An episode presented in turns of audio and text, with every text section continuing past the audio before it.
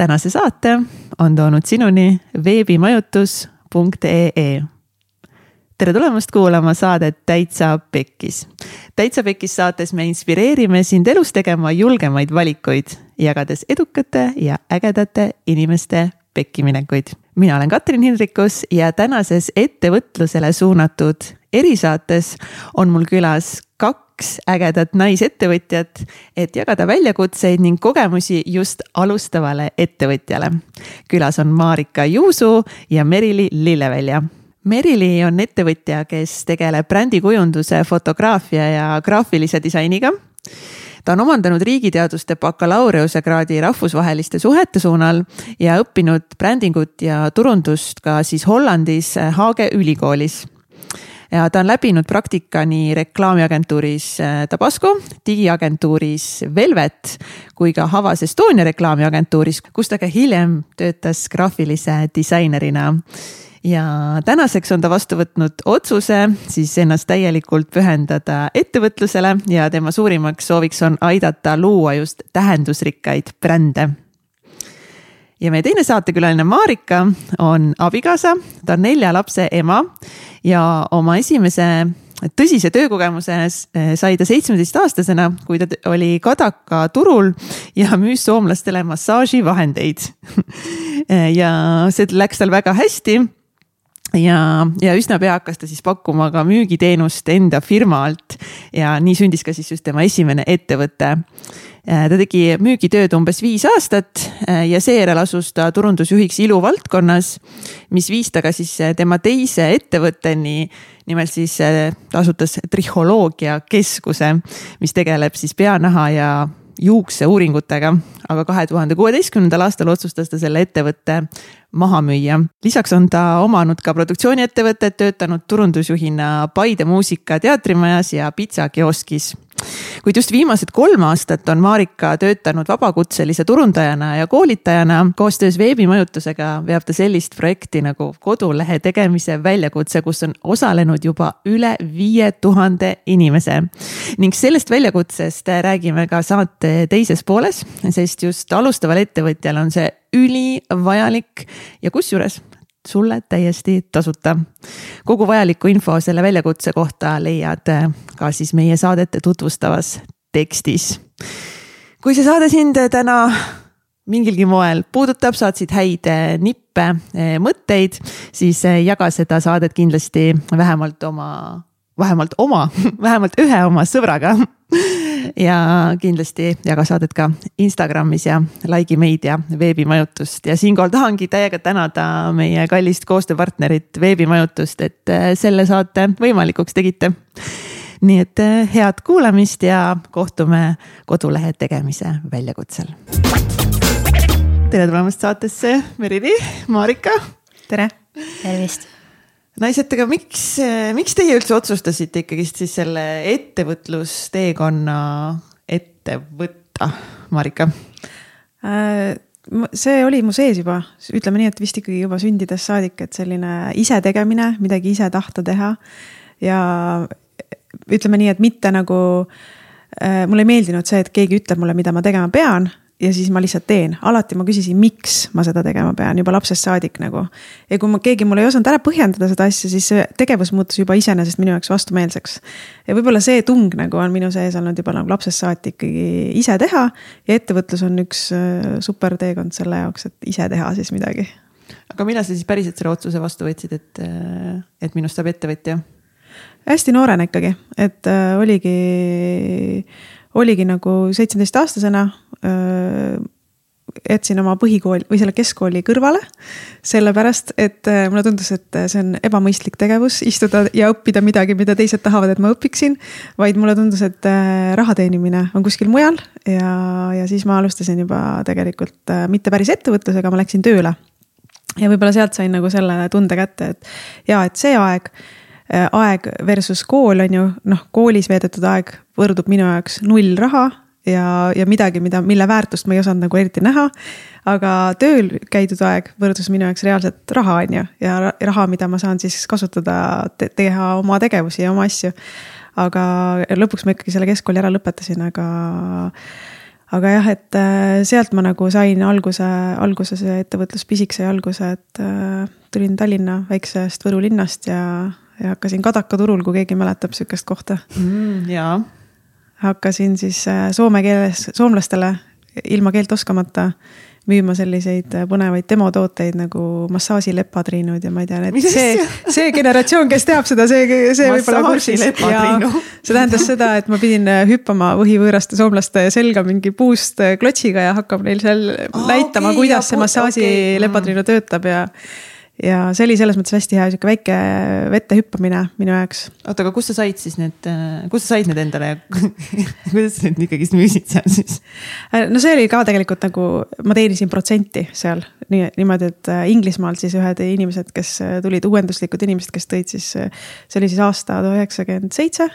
et siis oli ikkagi suht nagu uus, uued asjad Eestis ja, ja siis jah, et äh, ja siis tulid e-, erinevad muud põnevad demokaubad, mis andis mulle sellise hästi tugeva nagu müügialuse, ma sain aru, et tegelikult ei ole mõtet inimesi karta või võõraid inimesi. ja, ja sealt sai võib-olla kõik see teekond nagu alguse. aga kas inimesed ostsid ka siis? jaa, hullult ostsid ja sealt ma sain tegelikult ühe väga hea õppetunni ka, et turunduslikult just, mida ära kasutada ettevõtetes, mida ma olen siiamaani nagu rääkinud inimestele ka, kes alustavad ettevõtlusse, fookuse hoidmine või selle valikute vähesus, et öeldakse, et vaata, inimesel on raske valida, kui tal on nagu liiga palju valikut. ja seal oli niimoodi, et terve boks oli täis massaažilepatreenuseid, seal ei olnud mitte midagi muud. ainult massa-, suur kahekümne ruudune boks ja täis ainult massaažilepatreenuseid. ja uskumatu, läksid hästi, sest inimesel, inimesed, kes seal peatusid, neil ei olnudki valikut rohkem, nad kas ostavad või ei osta ja tegelikult nad ostsid. Merili, kuidas sinu teekond alguse sai?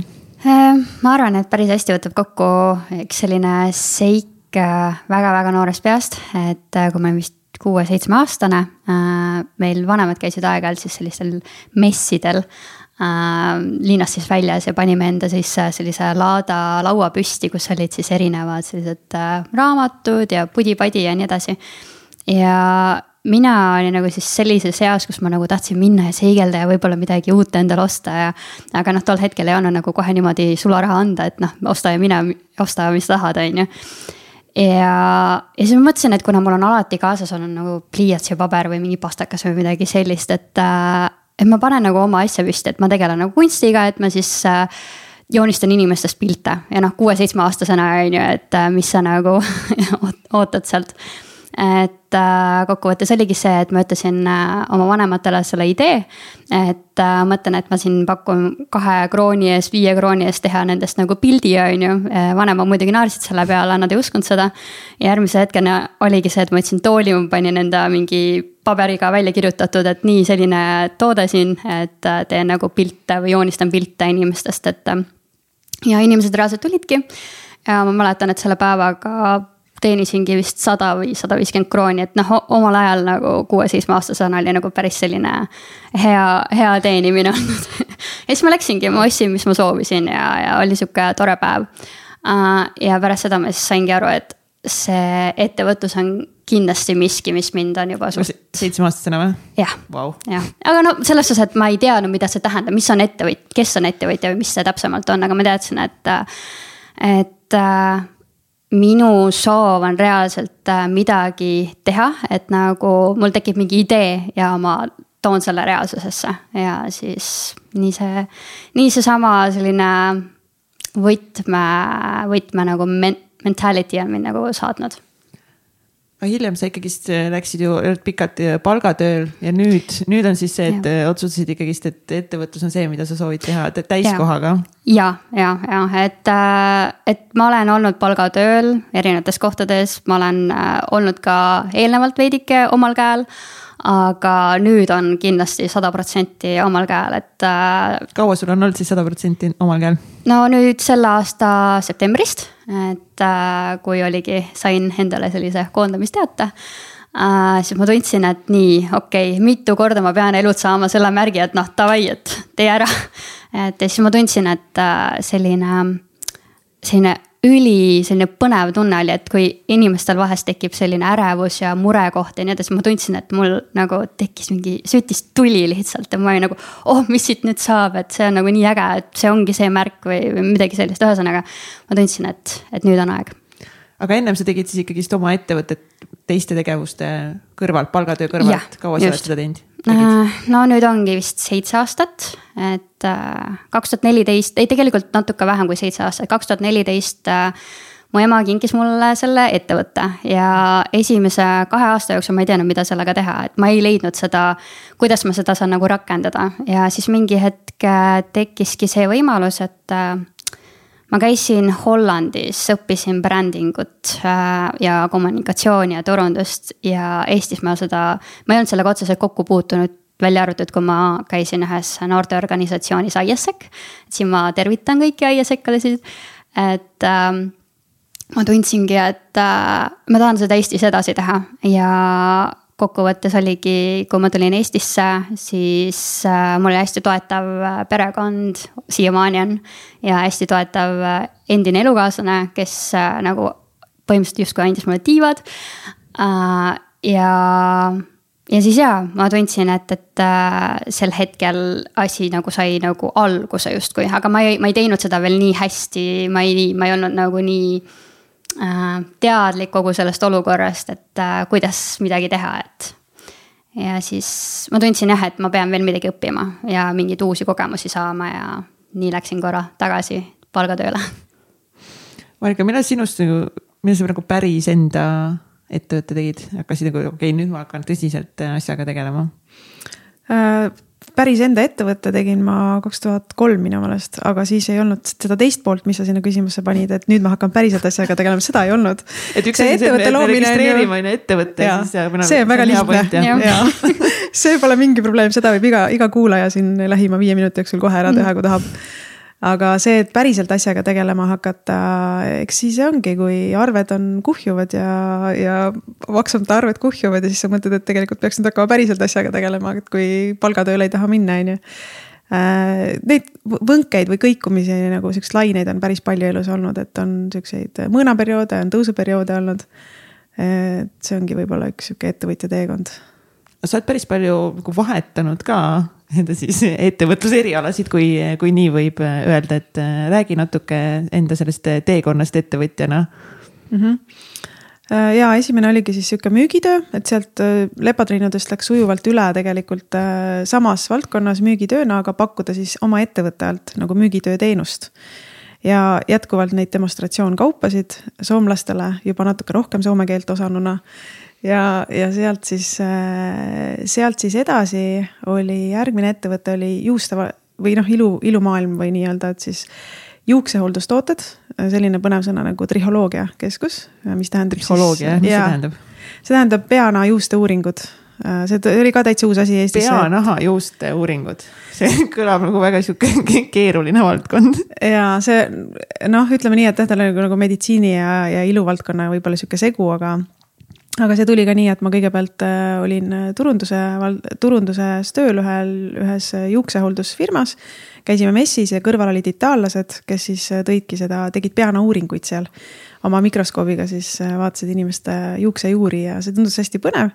seda Eestis ei olnud, ja siis äh, rääkisime nende itaallastega, et kas me saaks hakata sama asja maale tooma ja siis sealt äh, tuli siis Trihholoogia Keskus, mis ongi võib-olla kõige pikem nagu minu ettevõtlusperioodi jooksul, kus ma kõige rohkem nagu aja, aastate mõttes.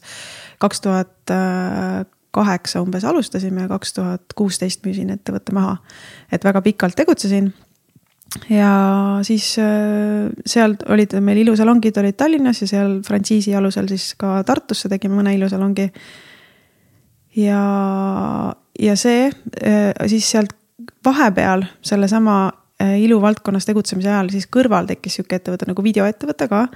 Äh, kuna abikaasa on sihuke videofoto huviline olnud kogu aeg ja, ja siis, aga sellega oli jah, selline strateegiline viga, et me nagu hakkasime kohe väljaspool Eestit nagu maailma vallutama no,. tegid nagu raha raha nagu tundus nagu, tundus ja nii, aga tegelikult ilma portfooliota ütleme, et sellised noh, ütleme nii, et mõned turundustaktikad olid õiged ja mõned taktikad olid õiged, aga sa ei võida sõda, kui sul pole strateegia õige ja, ja sellega me läksime metsa, nii et kaks aastat ma tegelikult nagu lihtsalt tegin, võib öelda. ma ei ütle selle kohta tegelikult tühja tööd, ma tahaks öelda nagu tühja tööd, aga see ei olnud kindlasti tühi töö, et see nagu õppimist oli väga palju ja andis võib-olla aluse nagu mingitele muudele asjadele jällegi Äh, mida teha kiiremini, et vahepeal tundubki nii, et võib-olla sa nagu äh, oled, võib-olla tahaks öelda enda elu kohta mõni inimene või ma ise ka on ju, et kaks aastat on nagu raisanud aega, aga tegelikult äh, võib-olla sa järgmisel, järg-, kahe aasta pärast teed selle asja, ütleme kuu ajaga ära, aga sa ei tee seda asja kuu ajaga sellepärast, et sa pole et sa nüüd järsku teed selle kuu ajaga ära, vaid sa teed seda sellepärast, et sa oled kaks aastat vahepeal seal teinud vigasid ja õppinud ja sa oled tegelikult iseennast nagu vorminud ja valmistunud selleks, et siis järs, järsku teha see kuu ajaga ära, et. et kui mõni, mõnele vaata tundub niimoodi, et oo üleöö nagu rikkaks või üleöö nagu kuskilt edu tuli, tegelikult see ei tulnud, seal taga ongi kõik see. kõik see, ütleme see, mille kohta võib-olla tahaks ise öelda, et raisatud aeg on ju. noh, mis ei toonud võib-olla selliseid tulemusi, millele sa ise nagu ootasid mm. -hmm tihti me panemegi just endale selliseid, no me ootame hästi kiiresti tulemusi, et äh, hakkasin ettevõtjaks, et kus mu nüüd, kus mu, kus mu raha on, äh, kus mu vabadus on, kus mu ideaalsed äh, kliendid on, kus on see nagu justkui see illusioon, mis tihti võib-olla me loome ennast, miks me nagu mhm. ettevõtlusega alustame et kõik peaks nagu minema hästi kiiresti ja, ja siis lihtsalt ja. Mm, eks see ongi väljakutse, et äh et jah, ühesõnaga ta on väga väljakutsev, et, äh, et üldse midagi ära teha, et.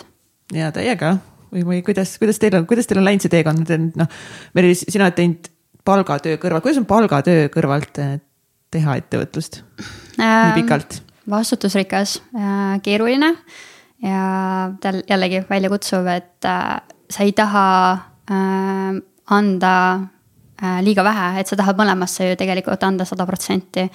Sa ei taha alt vedada inimest, kes on su endale tööle võtnud ja annad, noh, ta usaldab ju sind. ja kokkuvõttes, äh, kui ma läksingi palgatööle, ma olingi võtnud endale sellise otsuse, et ma jätan oma ettevõtte rohkem kõrvale ja ma lähen ja panustan sinna fookuse sada protsenti ähm,. tahes-tahtmata ikkagi, kui sul nagu oma ettevõte käib, siis ikkagi omad kliendid tulevad, nendel on omad soovid ja noh, nende teekond ka täpselt samamoodi. Ja neid võib-olla ka ei taha nagu alt vedada, et siin tuleb päris palju ka mängu see oskus öelda ei või siis äh, panna, noh, väärtustada enda, ennast ja oma tööd, et võib-olla siis kas hinda tõsta või midagi sellist aga jah, et ta on kindlasti väljakutsuv, sellepärast et äh, energiat ja aega kulub meeletult, et äh, sa pead lihtsalt arvestama, mille pealt siis sa hakkad nagu seda kõike tegema. et äh, sa teed palgatööd, aga lihtsalt kokkuvõttes, kui sa teed ka oma tööd, siis sa pead vaatama, et kas sa jätad ära näiteks oma sotsiaalse ringi või siis sa jätad ära trenni. võib-olla sa ei toitu enam nii hästi magamise arvelt, et sa peadki lihtsalt välja valima, et et kust, kust läheb sinu see piir?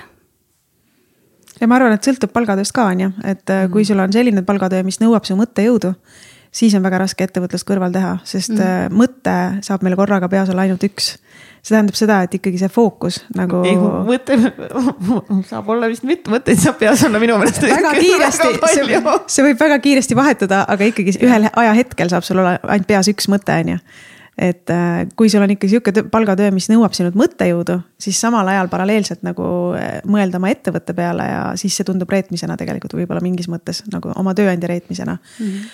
aga kui sul on, ütleme selline füüsiline töö, noh, lähed, tõstad laos mingeid asju, teed automaatpiloodil asju põhimõtteliselt kaheksa tundi automaatpiloodil, siis tegelikult su mõttejõud saab ju keskenduda juba mingitele nagu oma ettevõtmistele ja, ja see siis on nagu okei okay, nagu jah, aga enamus ikkagist alustavad ju enda palgatöö kõrvalt äh, mm. ettevõtlusega. et kuidas te, mis on nagu teie arvamus sellest, et kuidas võiks ettevõtlusega üldse alustada? et kas peaks nagu, ma ei tea, kogumagi näiteks äh, raha ja siis tulema palgatöölt ära ja hakkama peale või siis ikkagist nagu tehes midagi kõrvalt?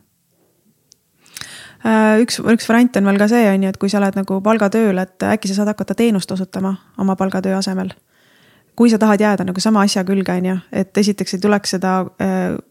ei tuleks jälle selles mõttes nagu tööandjale, et sa ei hakka kon konkurendiks tööle, mida tegelikult väga tihti tehakse, on ju, et sa tuled nagu tööandja juurest ära ja siis asutad ettevõtte samas valdkonnas, sest et noh. me ikkagi teeme seda, mida me oskame, on ju, me alustame sealt mida me oskame. et äh, kuigi ma tahaks ka võib-olla nagu teha mingi ülivinge tehnoloogilise startup'i nagu kohe homme näiteks võib-olla tahaks teha.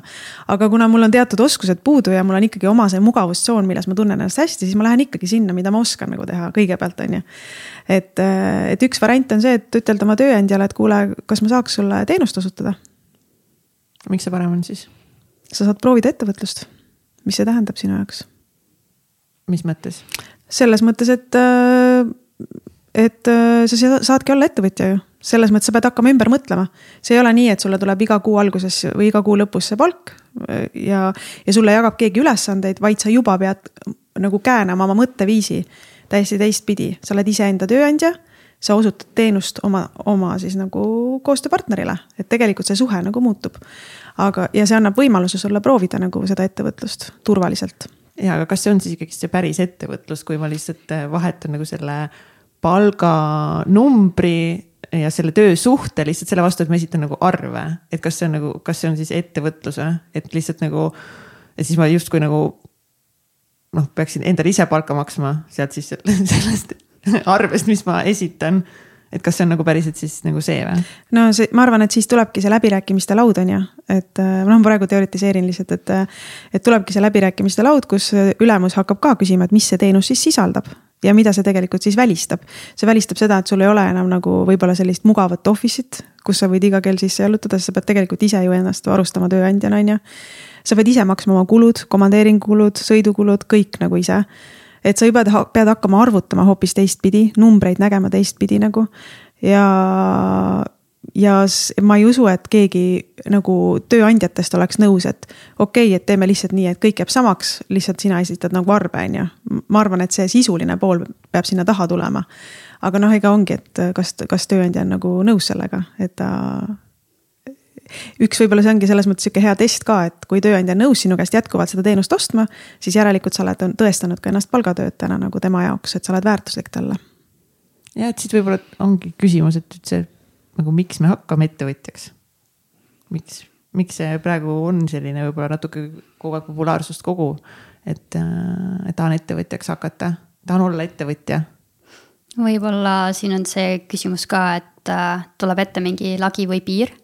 kus sa tunned, et sul ei ole enam mingit arenguruumi seal palgatööl olles, et sul on midagi enamat pakkuda. et võib-olla see on nagu see koht ka, kus inimesed hakkavad mõtlema ettevõtjaks hakkamise peale. Äh, küll aga ma ise tegelikult ka veidike pooldan seda, et äh, kui sul on palgatöö ja enne kui sa lähed päriselt ettevõtjaks, et siis äh, koguda sellel rahal, äh, sellel ajal endale siis seda põhikapitali näiteks või õppida võimalikult palju, näha, kuidas mingid süsteemid toimivad, mis, missugused süsteemid toimivad ja millised mitte. Et, et jah, aeg on inimese kõige suurem väärtus, et siis tuleb seda lihtsalt hästi targalt nagu kasutada ja kui kui sa nagu tunned, et on nagu see hetk, et nii, nüüd ma lähen, siis äh, võib usaldada seda tunnet, sest sa nagu, kui sa hinges tunned, siis äh, tavaliselt on nagu intuitsioonil äh, õigus ka. ma arvan, et kui sa ütlesid, suunasid selle küsimuse vist nii ka, et kui see nii populaarne on ju, et inimesed tahavad ettevõtluseks, teil on kindlasti sihukest nagu haipi, et ka et ühel hetkel Laine on ju, kõik hakkavad sisuloojateks või kõik hakkavad Youtube eriteks ja kõik hakkavad ettevõtjateks ja kõik hakkavad, ma ei tea, milleks veel, et. et kindlasti seal on sellist nagu äh, illusiooni, ma arvan, väga palju selles ettevõtluses äh,. sellist välist kuvandit, sest me ikkagi eelistamegi vaadata nagu juba edukaid inimesi, edukaid ettevõtjaid, on ju, ja mõtleme, et äh, see ongi see, mis meil päev, homne päev sünnib ehk siis sihukest illusiooni on palju, aga teiseks ma arvan, et see on ikkagi kaasasündinud omadus ka inimestes, et need, kes ikkagi ongi ma usun, et inimesed sünnivad ettevõtjateks. ja ettevõtja, ettevõtja tegelikult, me võime kõik olla ettevõtjad, on ju, selles mõttes, et ka nagu ettevõtlikud tähendab, me võime kõik olla. et ettevõtlikkus ja ettevõtjaks olemine, et ikkagi see, see vabaduse nagu soov. jah, no minu arust minu jaoks ikkagi siin suur vahe nagu ettevõtlikkusel ja ettevõtjaks äh, olemisel, et miks me ikkagist nagu hakkame nagu suures plaanis ikkagist ettevõtjateks on see, et äh, me tahame endale suuremat tegelikult sissetulekut ja suuremat ikkagist tulevikus siis äh, ajalist vabadust mm. -hmm. et ikkagist raha, raha on nagu ikkagist number, ma arvan, et ma ei tea, kuidas teil ikkagist nagu väga suur faktor, miks, äh, miks ettevõtlusega siis hakata tegelema? noh, minul oli vabadus nagu tähtsam. Nii, ja võib-olla siiamaani. vabadus siis tuli sulle praegu, kui sa oled ettevõtlusega tegelenud mingi kümme pluss aastat või? kuidas on vabadusega? Äh, küsi, küsime nüüd, millist, mida me selle vabaduse all mõtleme, on ju, et mhm. jaotame, see vabadus on üks katus, on ju, selline ilus jälle nimetusega, aga täpsemalt mida, et. et jah, kui mõelda, et ajaliselt vabadus on ju mm, -hmm. siis, siis see on miinuses tegelikult. endiselt veel võiks ütelda, et ma töötan rohkem kui, kui palgatöötaja võib-olla keskmiselt, ma olen ka palgatöötaja olnud, et ma tean, mis see tähendab nagu kaheksa tundi ka nagu hommikust õhtuni olla tööl. ja see on oluliselt nagu mugavam, relax im, sa ei pea mõtlema nagu väga paljudele asjadele, mida sa pead ettevõtjana mõtlema et selles mõttes nagu kindlasti see mugavam, noh, vähemalt need kogemused, mis minul on olnud, äh, on järelikult olnud ka hea tööandja, on ju, et äh, aga jah, et äh, teisest, aga vabadus otsustada, see on sada protsenti. et see, see kaalubki üles kõik nagu mm. -hmm. vabadus otsustada siis äh, enda aja üle, kuidas ma seda kasutan, mida ma üldse teen. milliseid liigutusi ma iseenda päevas teen, enda ettevõttes teen, selles mõttes jah. just mm. -hmm. kindlasti, kuidas sul, Merili? ja ma tegelikult ütleks ka, et vabadus on üks, üks nendest teguritest, mis kindlasti kaalub äh, ülesse. Äh, ja keegi ütles päris hästi kunagi, et äh, kui sa palgatööl, sul on turvalisus, aga kui sa oled ettevõtja, siis sul on vabadus. tegelikult maailm on ka näidanud, et tegelikult sada protsenti sellist turvalist tsooni nagu ei olegi, et et aga kindlasti nagu ka vabadus oma aega planeerida et äh, täpselt nagu vastavalt enda äh, soovidele ja võimalustele. ja jah, ka finants kindlasti mängib rolli, et äh, jah et ikkagist on võim-, noh, ettevõtjana sa lood endale võimaluse nagu luua endale piiramatus koguses äh, raha arvele. on ju? absoluutselt, piirang oled sina ise ainult jah. täpselt. täpselt äh,, mulle meeldis hästi, kuidas ka just eile rääkisime Timo, Timo Porvaliga äh, ettevõtlusest ja, sellest just vabaduse, vabaduse faktorist, et, äh, et siis Timo ütles hästi, et ette, ettevõtjal on vabadus, vabadus teha rohkem tööd ja ma lisaksin ühe positiivse sõna sisse, et ettevõtjal on vabadus teha rohkem sellist tööd, mis talle meeldib teha. ja ma nüüd natuke jälle tahaks siin, et ma, no et nagu alustava ettevõtjana nagu kas ma saan ikka teha nagu nüüd neid, ainult neid asju, mis mulle päriselt meeldivad. ainult mitte, aga mm -hmm. suuremas osas küll okei okay,, meil on võib-olla täiesti erinevad ko kogemused ettevõtlusega alustamisega, mina pidin küll tegema kõiki selliseid asju, mida ma üldse ei tahtnud teha, et. et äh, nagu alguses me, a la mingi ongi kodulehe tegemine, mingi raamatupidamine, turundus, müük. ma ei tea, minu meelest on nagu enamus just need asjad mida ma võib-olla ei taha teha. Versus see asjad nagu siis, mille, mida ma tahaksin teha, võib-olla lihtsalt nagu mingi a la, ma ei tea, sisu luua. või lihtsalt mingi videosid, et minu jaoks on olnud see täiesti teine kogemus, et hoopis palju pidanud neid asju tegema, mida ma ei taha teha, mis on muidugi olnud äge nagu kasvamise mõttes. aga kuidas sul on, Merilin olnud? ja, ja ma tegelikult äh, ütleks ka, et äh, on päris palju selliseid tegevusi, mida ma ise võib-olla nii hästi ei oska ja võib-olla ei tunne ennast ka kõige mugavamalt, aga samas alati on ka nagu valik Äh, leida keegi, kes on selles äh, valdkonnas pädev, näiteks äh, oletame, et on raamatupidamine, et jaa, baasteadmised on nagu selline essential osa selle juures. aga kui sa nagu oledki näiteks käibemaksukohuslane, sul on iga kuu vaja esitada nagu deklaratsioon, et siis leiad selle inimese selle jaoks, et kes igapäevaselt sellega kokku puutub aga noh, samas jällegi alustava ettevõtjana sellist võimalust ei pruugi olla, sellepärast et võib-olla ei ole selle jaoks seda nii-öelda kapitali. Et, äh, et äh, ettevõtlus kui selline äh, nõuabki nagu inimesi, kes on sellised multitasker'id, kes ongi sajaga rakkes erinevatel, erinevates valdkondades korraga. ja vastutavad erinevate asjade eest korraga, et ja noh ole, olekski nagu ideaalis on nagu see, et äh, sa saad sealt rakkest välja, on ju, sa leiad nagu vastavad inimesed, äh, kes võib-olla on nagu sinust isegi selles valdkonnas nagu targemad ja äh, kogenumad äh, ja nad teevad seda sinust paremini, et äh, et sa ise saad nagu tegeleda sellega, mis on nagu sinu südame, südameasi, et mm. see oleks nagu ideaal muidugi. jah, aga see oli kuidagi nagu teekond Äh, sinna, et, et ühel hetkel siis saaks teha neid asju, mis mulle päriselt meeldivad, aga neid mütse on ju nii palju, mida me ette naisettevõtjatena või üldse ettevõtjatena kanname. näiteks ma ei tea, koristaja, nõudepesija ja mingi äh, suhtenõustaja, kliendiekspert, kommunikatsiooniekspert. et neid mütse on ikkagist ju tohutult palju mida ju ma arvan, Marek, sa oled ka ju aastate jooksul nagu nii palju kandnud ja just nagu tehes ka nagu erinevates valdkondades ettevõtlust ja, no mõtlesin üldse, et ettevõtlus on tõesti nagu elevant on ju, et kust otsast sa katsud, et ütled, et näed, siin on elevant, teine katsub londist, ütleb, et see on hoopis ettevõtlus on ju. et me kõik räägime siin ettevõtlusest, aga meil on absoluutselt tõesti kõigil erinevad taustad ja kogemused. ja et selles mõttes ma olen nõus, et ja sa pead läbima võib-olla mingeid, mingeid tegevusi, mis sulle tegelikult ei meeldi, aga sa saad ikkagi suunata nagu seda niimoodi sinna suunda, et sa saad jätku, hakata rohkem ja rohkem ja rohkem tegema seda, mis sulle meeldib nagu teha et äh, jah, selleks on olemaski siis need raamatupidajad ja muud abilised. absoluutselt, aga Vaige, sina oled tegelikult äh, tegutsenud ettevõtjana väga paljuski laste kõrvalt mis tundub minu jaoks veel täiesti järgmine tase, et niigi on nii palju väljakutseid ettevõtluses. et kuidas on olla ettevõtja ja ema ja mitte lihtsalt ema ühele lapsele, vaid neljale. kuidas, on... kuidas see võimalik on? Äh, see, see, see võimalik on, kõik on võimalik, et vaatad, vaatad neid, seda kirjut maailma ja mis elu inimesed elavad, on ju, siis sa mõtled, et äh, alati vaatab teis, kellegi teise näost sulle vastu selline asi, et see pole võimalik, aga, aga tegelikult inimene on kohanemisvõimeline ja, ja sa oled võimet-, oled võimeline kohanema ka kümne lapsega ja tegema sealt kõrvalt tööd ja mida iganes, et selles mõttes ma arvan, et äh, inimene on üks äge, äge tegelane. aga jaa, et see on, see ongi olnud raske väga raske, sest ma ei ole saanud hoida seda fookust niimoodi nagu oma ettevõtlustele, et see on üks ka sihukeseid nagu põhjusi olnud, miks mul ei ole sellist kasvu olnud, nagu ma olen oma unenägudes näinud, on ju.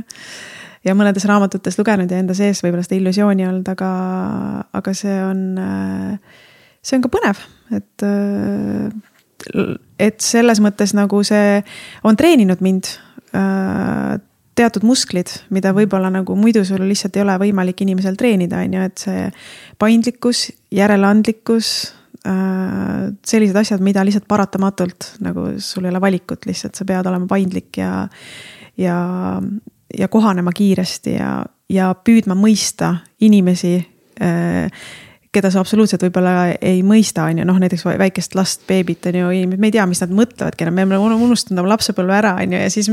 ja siis ütleme, et sa pead minema jälle sellele tasandile ja hakkama nendega kuidagi nagu suhtlema ja aru saama, mida nad mõtlevad. et tegelikult sellised oskused, mis nagu elus meile antakse, äh, need ettevõtluses ära kasutades on nagu väga tugevad ja head oskused, et kasvõi klientidega suheldes on ju, mis on tegelikult ju ettevõtluse üks kõige asja tuum nagu. et kuidas sa tajud ära oma kliendi ja oma kliendi vajaduse ja kuidas sa oskad kommunikeerida temaga. ja kui sa oskad seda, seda teha nagu oma mehega, oma nelja lapsega, on ju, siis see treeningu tase on tõenäoliselt nagu. sa oled mõis-, võimeline mõistma nagu erinevat tüüpi inimesi tänu sellele. minu arust on äh, hästi tore, hästi inspireeriv on Marika just nagu täna sind siin äh, laua taga kohata, sellepärast et, et tihti äh, naistena no, me saa-, noh, mul endal ei ole lapsi, Merilil ka ei ole veel lapsi, et aga hästi palju, ma tean, meie, meie kuulajatel on lapsed. et just, et kas laste kõrvalt ikkagist on nagu võimalik äh, alustada just nagu ettevõtlusega ja sealt nagu edasi, edasi liikuda, et, et ma arvan, et sinu näide täna siin on, on nagu äge. et jah, et see on päriselt, päriselt on võimalik alustada ja, ja, teha, aga kas mingid hetked on ikkagist olnud sellised, kus mõtled fuck, et nagu ma ei viitsi? Oi, väga palju on olnud. just sellised nagu murdumise hetked, kus sa ikkagi tegelikult ise annad enda arvelt, vaata, et ütleme nii, et tõesti, kui võib-olla sihuke, ma jällegi nagu ei ole seda pikka aega kogenud, on ju, see oli kakskümmend aastat tagasi, kui ma vallaline ja, ja ilma kellegita olin. aga, aga et, et siis võib-olla oli see valik, et kas ma lähen õhtul trenni või ma teen õhtul tööd. kas ma vaatan õhtul filmi või ma teen õhtul tööd. aga laste kõrvalt on sul see, sul ei olegi valikut põhimõtteliselt, sa oled lastega ja siis sa tead, et sul on ainukesed ajaaugud, mis sul jäävad, sa pead täitma neid tööga, nii et tegelikult mingis mõttes võib, võib öelda, et sellest võib tekkida ka halb harjumus on ju, et sa iseennast natuke unustad ära nagu. sest sa lihtsalt annad kogu aeg välja, vaata, sest et noh, lapsed on ikkagi number üks, sa, sa ei, lihtsalt ei saa muud moodi. aga aga jah, et, äh, et selles mõttes on kindlasti võimalik ja, et praegu nüüd noh, kui ma teen, teen siis viimased paar aastat olen rohkem keskendunud koolituste tegemise peale, et. alustasin sellest, et hakkan nagu teenust pakkuma. Ja siis ma nägin, et oli hästi palju selliseid inimesi, kes, kes ei olnud sellel tasemel, et veel nagu seda teenust osta. ja, aga nad olid, oleksid valmis olnud ise tegema ja siis ma ütleme, jaotasin selle teenuse võib-olla väiksematesse tükkidesse, aga ma nägin, et ka see võib-olla päriselt ei tööta ja siis lõi lõkkele minul, minus vist põlvkondade tagune õpetajate mingi geen. isa õpetaja ja nii edasi sealt tagasi ka veel. ja siis ma avastasin, et koolitamine on tegelikult päris, päris nagu kasulik tegevus. Äh, sellepärast, et niimoodi ma saan rohkem inimesi aidata nagu ka. ja ja siis koolitusvaldkonnas äh, näen nüüd, et väga paljud, kes tulevad just kodulehte näiteks tegema läbi, läbi väljakutsekoolituse. Äh, ongi just lapsed lastega emad, et pidevalt, kui me Zoom'is ka lõpuks kokku saame, näen, et kellelgi on seal üks laps puusa peal ja kellelgi kisab seal teine laps kuskil kõrval ja. ja nii edasi, et, äh, et Eesti naised on ägedad. Eesti naised on, on täiega ägedad nagu meie, meie täna kõik, kõik siin, siin laua taga rääkima siis ettevõtlusest ja nende väljakutsetest, aga siis ka samas nüüd, et äh, millised on siis need ikkagist need alustava ettevõtja võib-olla nagu tööriistad või kui me hakkame nüüd ise tagasi vaatama enda, kui me alustasime ettevõtlusega. mida meie võib-olla teeksime teistmoodi.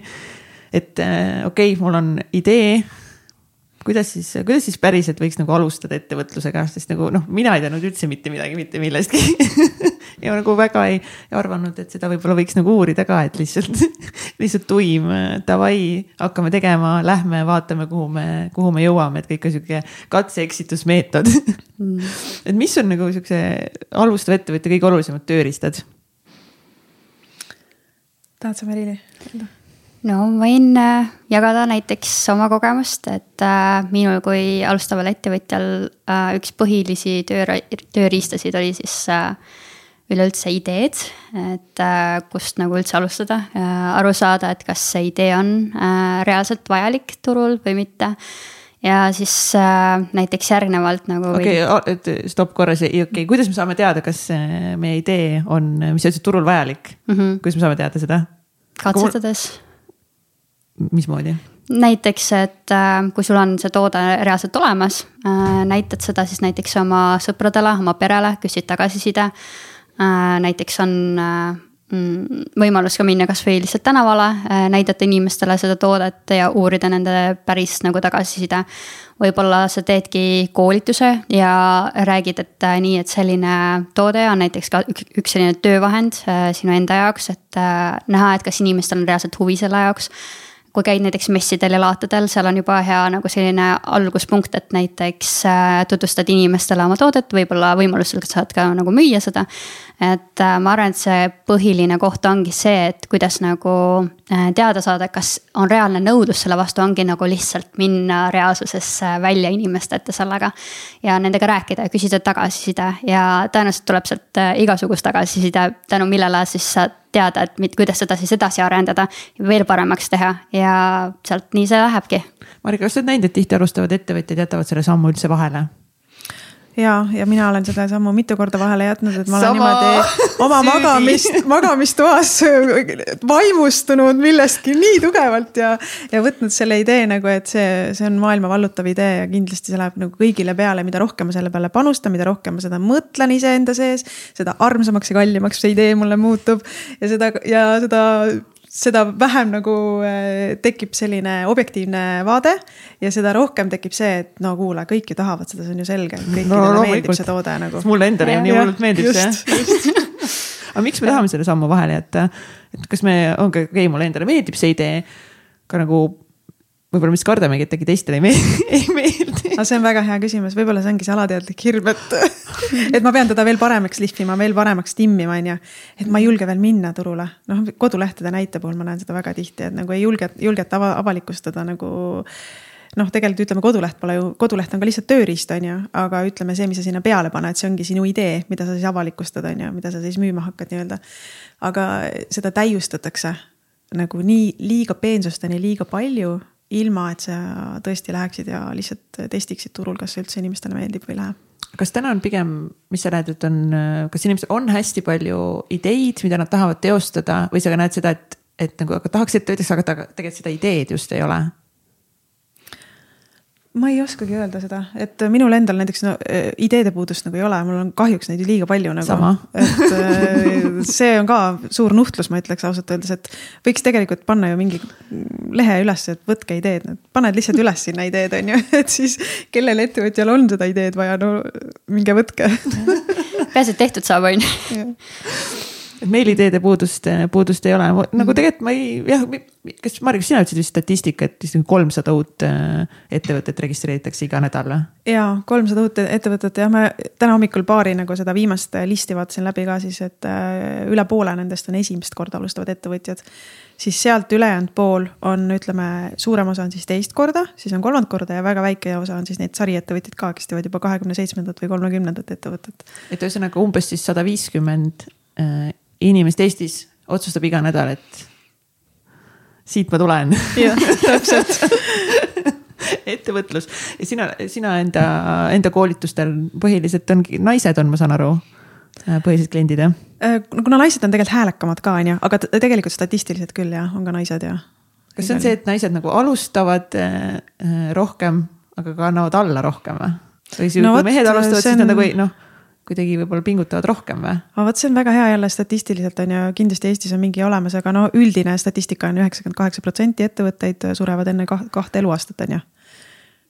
et äh, see tegelikult on tõsi, et äh, need sada viiskümmend iga nädal uut ettevõtjat statistiliselt neid, neist siis ellu jääb, on ju noh, kes meil siin arvutada oskab? kindlasti mitte mina. aga no põhimõtteliselt mitte keegi noh kui see on üheksakümmend kaheksa protsenti on need, kes äh, ei jää ellu, siis noh, põhimõtteliselt mitte keegi ei jää ellu eks see ongi selline suur katsumuste kadalipp ja paneb kindlasti iga, igasugused äh, inimesed proovile, et äh, aga mul on hea meel, et me alustasime sellest, vaata, sa küsisid tegelikult väga hea küsimuse, et. Et sa küsisid tegelikult niimoodi, on ju, et mis on need tööriistad. aga ma ei tea, ma lugesin sealt see ka, et mida sa teeks teisiti, kui sa alustaks uuesti, on ju, mhm. nagu ettevõtlusega. ja me tegelikult läksimegi kohe nagu õigesse tuuma asja, asja tuumani ja kui see asi nagu, kui seda nüüd teha niipidi, et ütleme, kui mina ka nüüd sariettevõtjana asutaks oma mingi siis ma ei tea, kuuenda ettevõtte on ju. siis, siis kui ma teeks ka siis nii, nagu peaks tegema. et läheks kõigepealt turule, kuulaks oma sihtrühma nagu. aga kõige, vot nii siin tuli ka hea, et siis kõigepealt sa pead ka teadma, kes on sinu sihtrühm mm -hmm. ehk siis kõigepealt sul on idee ja siis sa pead ka mõtlema, siis ongi, et kellele see idee siis on nagu loodud, kes hakkab päriselt seda siis tarbima mm, -hmm. sest selle me ka tihti vahele, nagu kõik tahavad ju kõik tahavad mulle kliendiks tulla, mul on maailma parim Eesti, toode ja teenus. kogu Eesti on minu sihtrühm on ju. täpselt, et mis, ei, see on kõigile, ma tahan kõigile meeldida ja kõigile olla. ma ei välista kedagi. võivad nagu, et see on ka selline nagu võib-olla alguses võib-olla selline hirm. Äh, et äh, kui ma ei meeldi nagu kõigi, et nagu noh, samas nagu kõik ju võivad tulla et justkui ma siis nagu loobun kellestki versus see, et tegelikult mida nagu äh, täpsemalt ma suudan enda niši, enda kliendi nagu ära kaardistada, siis tegelikult nagu ma saangi siis ju noh, nendele seda toodet müüa, turundada, on ju. Mhm. ma arvan, selle sihtrühma või profiili nagu välja joonistamisel on tegelikult kaks otsa tegelikult, et väga tihti nagu turundusstrateegiates või ütleme, kui sa teed ka Töötukassa kaudu äriplaani, on ju, sul on kohustuslik teha seal kaheksa lehekülge pikk äriplaan, on ju. ja, või üld-, ka EAS-ilt kuskilt iganes raha taotledes sa pead tegema selle äriplaani. ja minu jaoks on natukene absurdne olnud see, et sa pead oma sihtrühma välja joonistama enne, kui sa turule lähed, mõnes mõttes et tegelikult see on nagu kahe otsaga asi, et ühelt poolt jaa, see on väga hea, kui sa nagu tõesti tead ja sa tunned seda sihtrühma ja, ja sa tead, et see on see õige koht. aga kui sa kahtled, siis mine ikkagi turule. pane oma toode välja ja vaata, kes sinna leti äärde tulevad ja vaata, õpi neid inimesi tundma, kes sinna leti mm. äärde tulevad. õpi neid tundma, kes võtavad su toote kätte seal leti ääres, on ju. kes võib-olla juba nuusutavad seda asja ja neid, eriti neid, kes on nõus rahakotirauad lahti tegema, on ju, ja selle toote sinu käest ära ostma. ja siis sealt sulle tegelikult joonistab ja vaatab vastu sinu kliendi profiil. ja vot need on need inimesed, keda nagu peaks noh, tõesti hingepõhjani tundma õppima nagu mm.. et ikkagist okei okay,, siis idee, idee äh, testimine võimalikult parimal siis viisil, kuidas, kuidas sina test, testiksid siis nüüd oma ideed? Äh, no ideaalne võimalus online äris on ju, et sa ei pea tõesti nagu seda lauda autosse pakkima ja oma tooteid sinna autost täis, täis pakkima ja minema kuskile turuplatsile, et. et sul on võimalik tõesti nagu lihtsalt teha üks maandumisleht, kampaanialeht, panna sinna ülesse see idee või toode, saata välja alguses miks mitte rohkematele, sest kui sa ei ole kindel, kes su kliendi profiil on, on ju. ja siis sa kogud nende inimeste andmeid vastu, andes neile midagi ära, sest keegi sulle midagi ei anna, nii kui sina midagi ei anna, on ju. ja, ja siis vaatad, et kes on need kõige potentsiaalsemad olnud, kellele sinu toode või teenus võib olla rohkem huvi pakkuda. ja võib-olla sealt siis tuleks see sihtrühma analüüs nagu taha, et nüüd enam-vähem ma tean, et see võiks olla minu potentsiaalne sihtrühm. ja nüüd ma hakkan neid uurima, nende käest küsima ja siis võib-olla proovima nende vaatest vaadata ka oma toodet, teenust uuesti ja siis võib-olla nagu. kui palju seda tagasisidet peaks siis olema kui palju peaks testima või kaua peaks sellele nagu siis aega panema? niimoodi, et sa kõhu sees tead, et nüüd on õige asi. sest sa, sa saad aru, et nüüd on õige asi nagu no kas alguses ikkagi saad seda kõhutunde pealt võtta vastu, vaata just arutasime ka seda, et, et alguses me tahame perfektsionismini võib-olla nagu lihvida. ja et ongi seal kaks võib-olla äärmust, et nagu, et me ei pane nagu üldse seda nagu teenust või toodet nagu me ei julgegi üldse, üldse nagu minnagi välja, on ju, ja kus siis, kus on see nagu noh.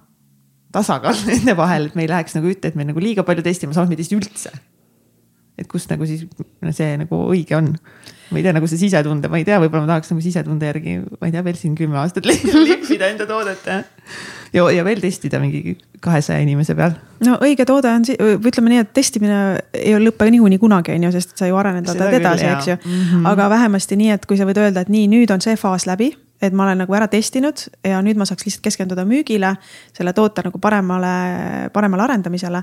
on võib-olla see, et, et äh, inimesed hääletavad oma rahakotiga, on ju, tegelikult. et kui inimesed hakkavad hääletama sinu toote poolt rahakotiga, siis järelikult on õige aeg nagu panustada müügile. aga kas alguses võiks või peaks kuidagi, ma ei tea, tasuta, ma ei tea, andma oma tooteid või tegema tasuta tööd või kuidas te täna tunnete?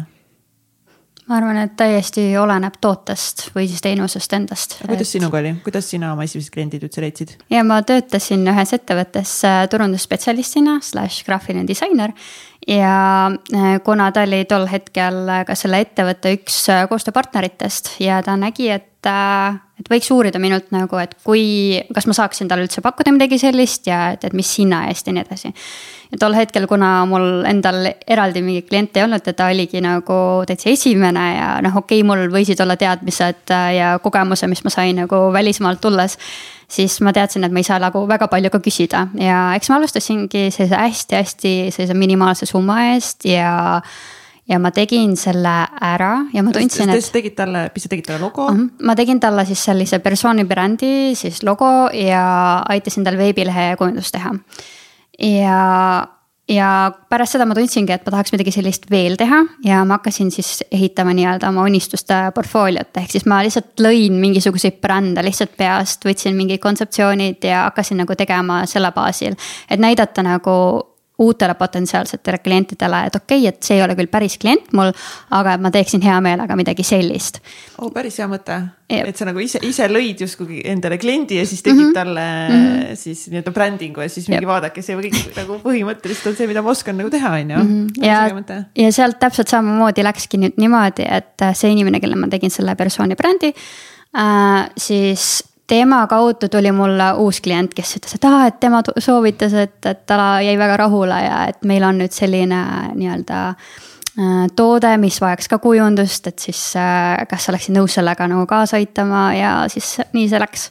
ja mingi hetk oligi selline olukord, kus äh, ma ei olnud üldse teinud turundust endale, ma ei pidanud reklaami tegema, sellepärast et mu kliendid tegid seda minu eest. kui hea. et see on äh, meeletult äge tunne, sest sa tunned, et sa oled midagi õigesti teinud.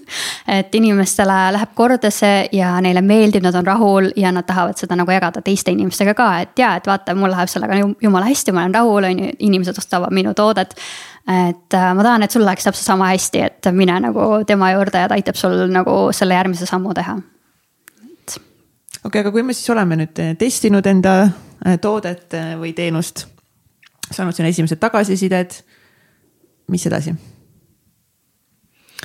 No eks siis tulebki müüma hakata siis tuleb julgelt, no mis või selles mõttes müü, müük on ta nagu niikuinii juba algusest peale on ju, et sa ei saa ka niimoodi, et oo, ma ainult testin, on ju, et äh, ikkagi sa pead ju ütlema, et siin on see toode ja. ja, et sa testid, aga tead inimesed, et nagu enne ütlesid, et inimesed peavad ikka valmis nagu raha maksma selle eest mm, -hmm. selle eest ka, et võib-olla tasuta on inimesed, nad vaatavad küll, et oo, et nagu päris hea toode on ju, aga kui sa peaksid selle eest päriselt maksma, noh, ma arvan, kui sa, ma ei tea, annad enda sõpradele, tuttavatele testida, et kas nad päriselt on nõus nagu ostma seda. ja see on ka üks testimise suurimaid vigasid, et oma vanaemal ja emal lastakse testida, on ju, mitte, mitte päris sihtrühmal ja päris inimestel nagu. jah, see on ikka noh, ma ei tea, toetavad või. jah, patsutavad sulle õlale, et kuule, päris pole viga nagu. ma usun sinusse. jah, aga see ja see küsimus, mis Merili vastas ka, et et seesama, et kust need kliendid tulevad, et äh, minu lugu on ka pigem sihuke nagu, võtame nüüd see viimane paar aastat, kus ma olen koolitusi müünud rohkem. et on ka olnud nagu selline kogemus, kus mitte ka, vaid tähendab just, et olnud sihuke, kus ma olen hästi palju pidanud andma ja see andmine on mõnes mõttes alustavale ettevõtjale, oleneb, millise kapitaliga see alustav ettevõtja alustab, on ju. no ta... tõenäoliselt olematu. noh, aga jah, et ma tõin igaks juhuks selle elevandi mingisuguse teise otsa ka välja, et võib-olla keegi on kogunud kokku seal kakskümmend tuhat või kolmkümmend tuhat, on ju, ja alustab ettevõtlusega. see on ju mega. jah, aga kui palju siis tegelikult jah, et äh, nullist alustades on ju, siis see tundub vastuoluline, et kuidas ma hakkan andma tasuta asja praegu ära kui tegelikult mul on vaja raha teenida, on ju. mul on ju iga kuu tulevad arved, mida ma pean maksma ja, ja nagu me juba rääkisime sellest ettevõtluse vabadusest, mis selle vabaduse mütsi all tähendab ajalises mõttes seda, et sul tegelikult seda ajalist aega jääb veel vähemaks, on ju. et siis tundub eriti vastuoluline veel leida see aeg, kus sa hakkad tasuta midagi ära andma, on ju. sa tahaks ju kõigele asjadele tegelikult reaalselt hinnasildi külge panna ja mõelda, et nii on õiglane aga see on see elu paradoks, et äh, minu puhul näitab see, et mida rohkem ma andsin. Ja oli neid hetki, kus ma mõtlesin, et, äh, et äh, ei, et ma nagu midagi, et kas ma olen loll või, et miks ma niimoodi annan niimoodi tasuta ära asju nagu. just koolitusi, koolituste näitel. et aga ja, et mingil hetkel tuli see nurga tagant, ütleme, tuli siis välja see, see vastus, mis kaasneb alati andmisega, et sulle hakkab tagasi tulema aga kui kaua sul äh, kestis see hetk, kui sa hakkasid juba aru saama, et okei okay,, hakkab nagu tagasi tulema mm,? võib-olla mingi kaheksa kuud või wow., umbes midagi sihukest. ja see oli kaheksa kuud nüüd selle kogemusega, mis olid ikkagist ju varasema ettevõtluskogemusega. jah, ja, aga noh, ongi, et, et laste kõrvalt vaata, ma olen nagu olnud ka palgatöötaja vahepeal on ju, et selles mõttes ma ei, ma isegi nagu ei tahaks ennast nüüd nagu öelda, et ma olen nüüd mingi selles mõttes nüüd mingist tubli sari ettevõtja ja tean nagu kõiki neid ettevõtlusreegleid, et pigem nagu ja, minu. me oleme siin siiski selles mõttes kategoriseerime ennast täna kõigist nagu alustavateks ettevõtjateks. mina samamoodi tegelikult. me ei ole keegi finantsiliselt ega rahaliselt kaugeltki vabad. just täpselt, just täpselt, et, et ei ole, ütleme seda sajaliikmelist meeskonda, kes kõik asjad ära teevad, on ju sinu eest.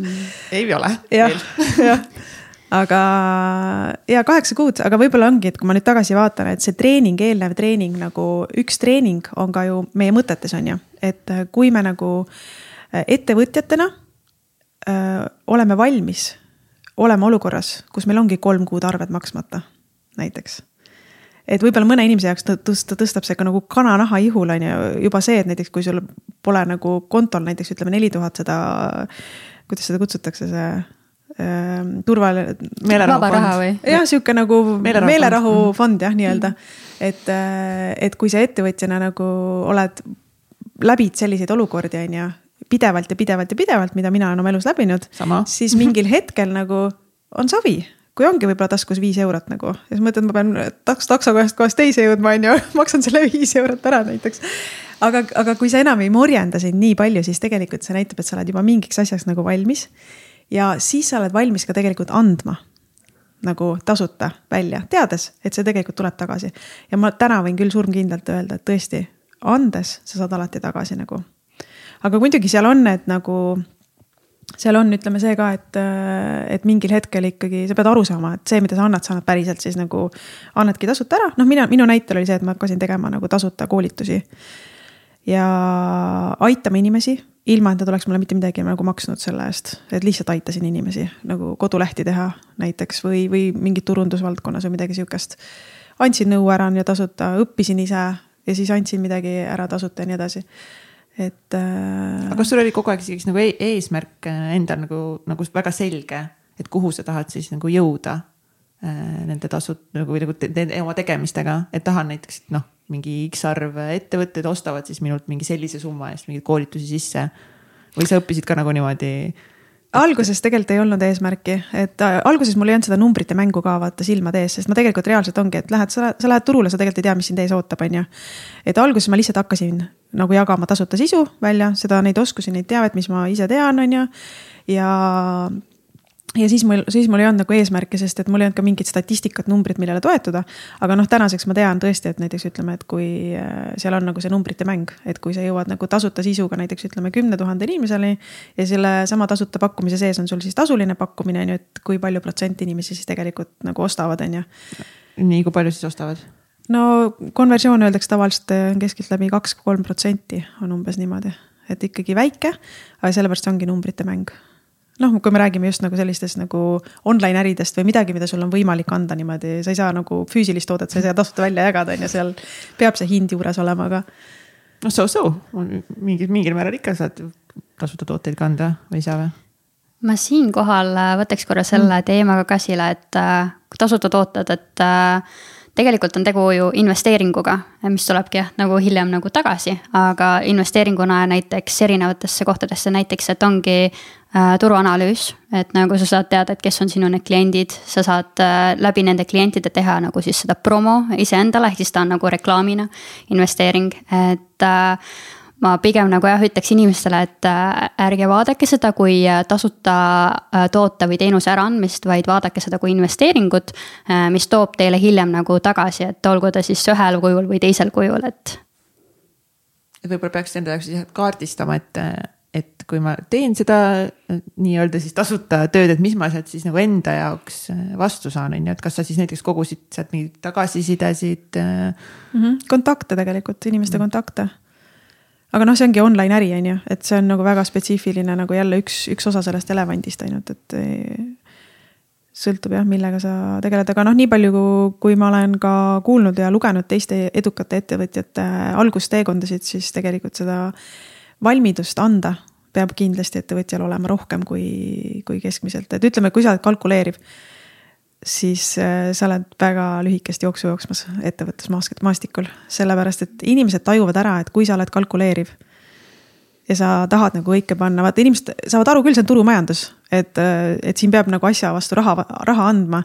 aga kui nad tajuvad ära selle raha maitse selle küsimise või pakkumise juures nagu, siis on väga lühike jooksul aga see ongi, vähe, vahepeal see väga pekkis olukord, nagu sa jagasid ka just seda, seda kohta, et vahepeal nagu ongi, ma ei tea, viis eurot äh, taskus või nagu ei ole sedagi ettevõtjana ise, ise palju kogenud äh, seda, et siis nagu.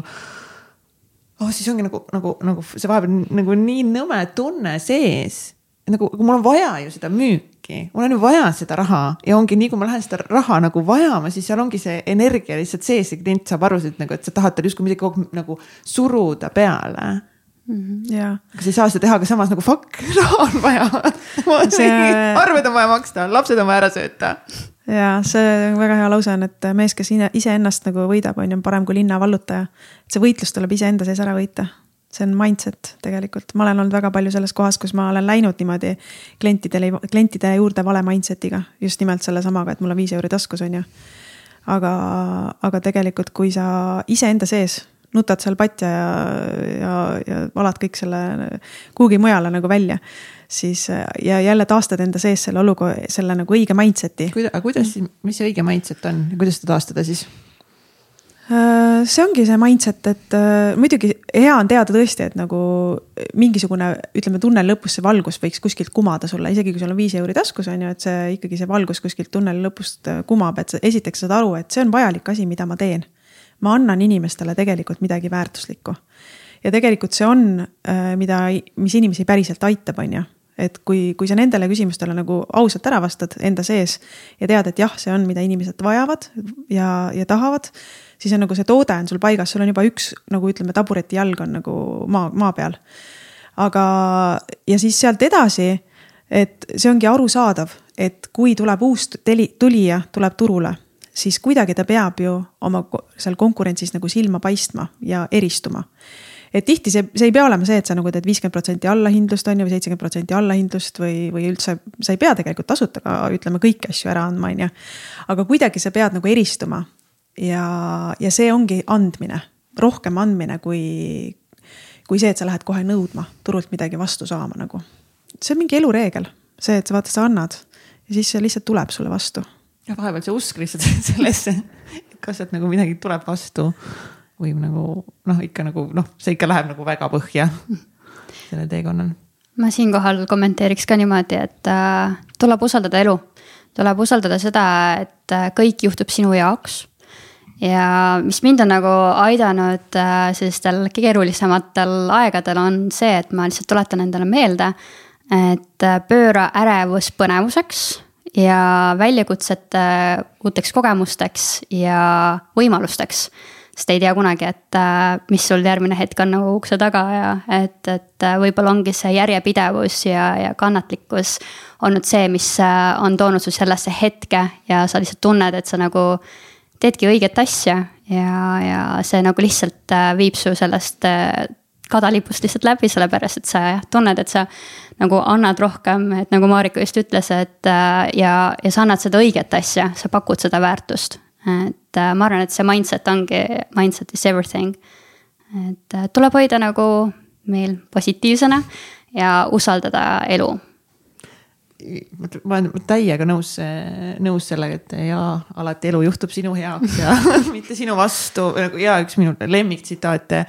Aga lihtsalt jah, see nagu, kui sa oled nagu ikkagist nagu põhjas endaga või nagu see algus on nagu raske, noh kindlasti mitte nagu kõigil, et me ei saa ka nüüd nagu panna niimoodi, et nagu kõigil on see ettevõtlus hull, nagu struggle kindlasti kõigil ei, ei olegi.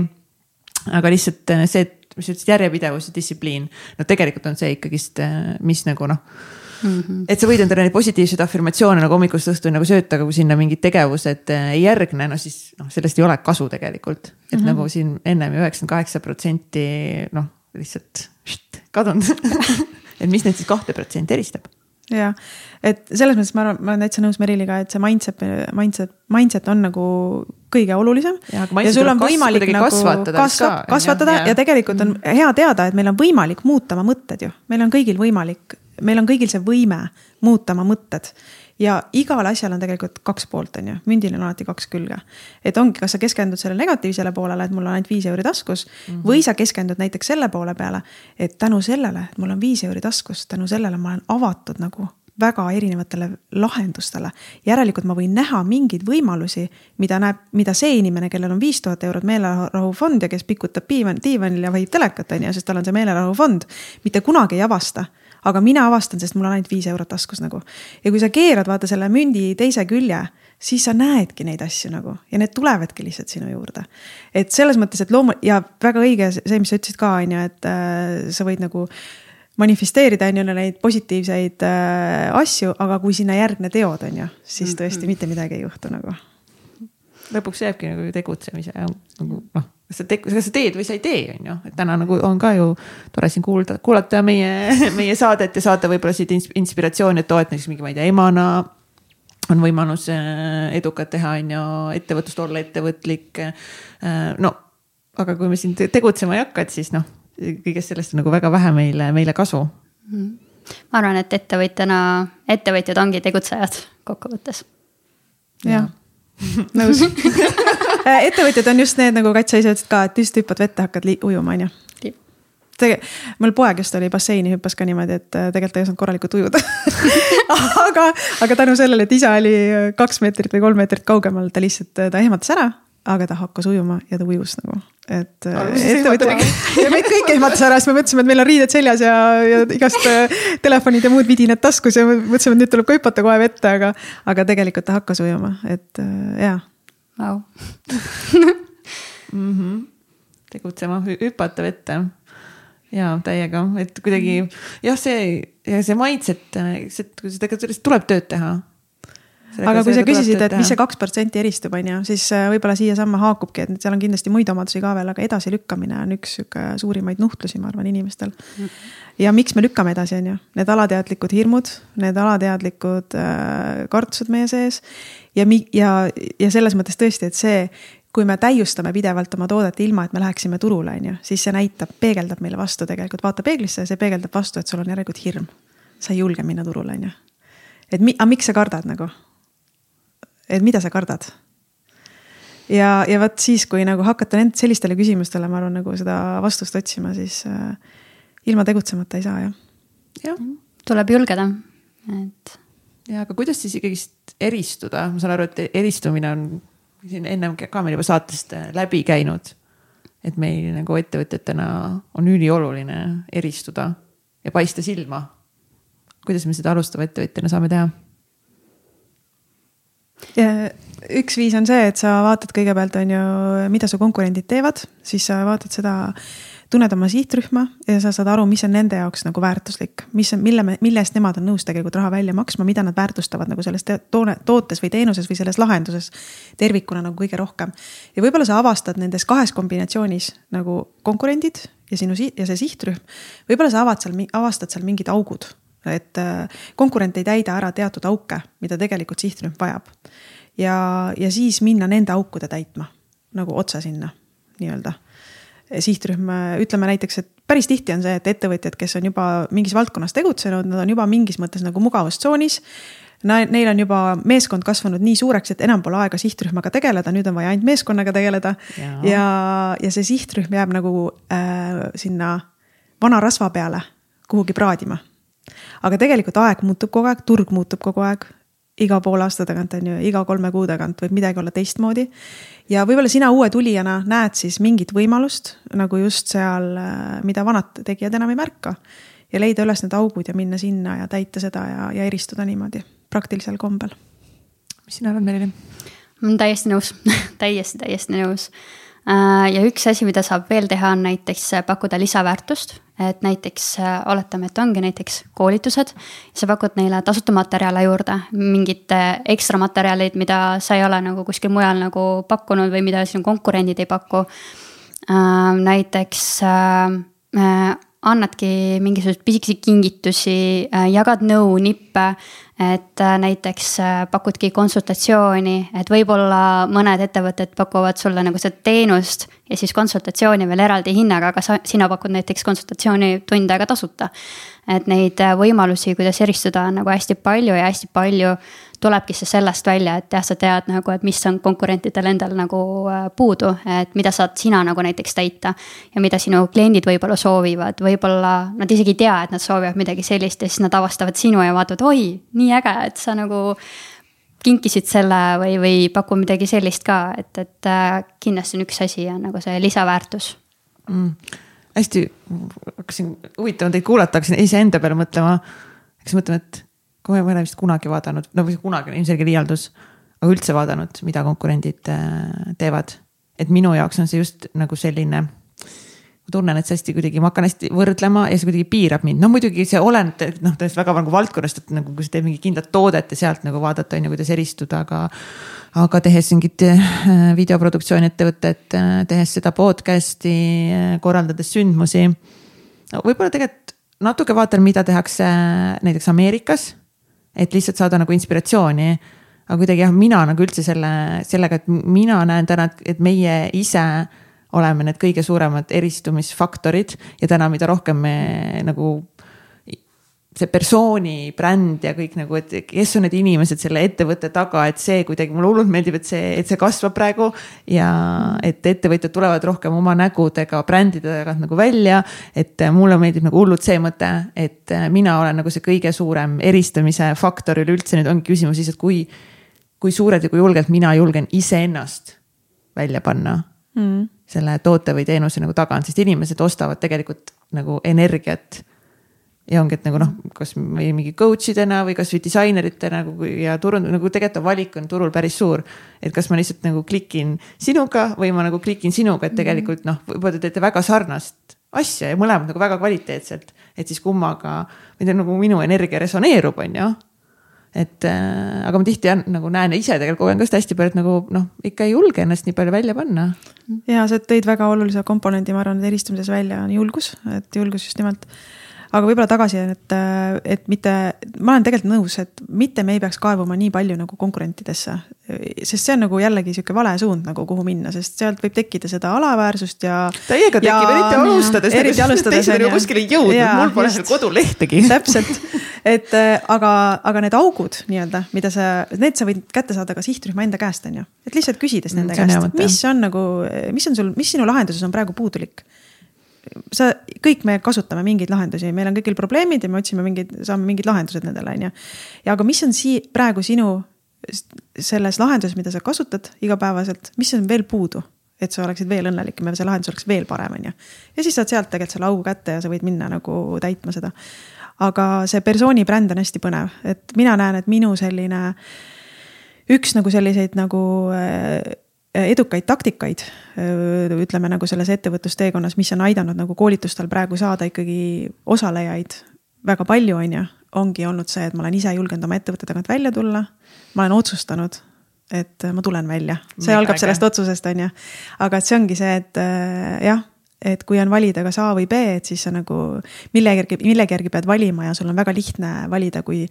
kui seal ei ole aktsiaselt meie oleme parim või siis näiteks kats, on ju, kes on inimene, elab Tallinnas ja, ja nii edasi, on ju, et siis sa nagu valid selle inimese, kellega sa suhestud rohkem. aga kas sa oled alati, kas nagu see julgus sinu sees on alati olemas olnud või see musker on ka kasvanud sinus aastatega või kui keeruline sul oli nagu päriselt enda näoga tulla välja? see oli mingi otsus ka tegelikult, et ühel hetkel ma nagu kaalutlesin enda sees läbi, mida see tähendab, on ju, mida see mu perele võib tähendada ja, ja nii edasi, on ju, kõik. kuigi asju, mida ma kindlasti ei oska ettegi näha, on ju, et mida see kõik veel tähendab, sest. aga see oli kiirendus minu jaoks kindlasti nagu eristumise kiirendus, et tulla välja, sest noh, ütleme turundusvaldkond, vabakutselised turundajad. pane Facebooki sisse vabakutselised turundajad, sulle tuleb Facebooki grupp ette, kus on, ma ei tea kümme tuhat liiget või? kindlasti, jah et no ikka, ikka kõvasti nagu, et see konkurents on väga kõva ja, ja põhiliselt, millist sisu sinna postitatakse, on tekstiline, pildid, videosisu teeb väga, tehakse väga vähe nagu no.. Mm -hmm. ja, ja siis ma sain aru, et see on üks kiirendus minu jaoks, tulla välja mingi teise formaadiga. aga see video tähendab enda nägu, nägu, näo, näo näitamist, on ju. siis ja kui sa otsustad enda nägu näha, no videos, siis sa võid ka filmida kedagi teist, aga just, et ja enda näoga tulla välja veel videoga, no see on ikka jah.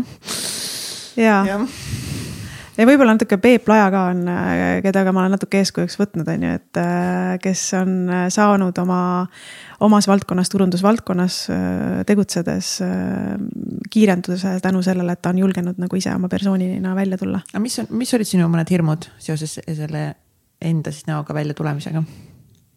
No hästi tüüpilised, et kas ma meeldin kõigile, äkki vastupidi, on ju, et tulen välja ja siis üks keegi ei taha enam minuga koostööd teha ja, ja sellised äh, alateadlikud hirmud, mida ma isegi võib-olla ei kirjutanud ülesse nagu, aga see otsus minu sees oli tugevam ja siis see mattis ära nagu kõik need hirmud, et.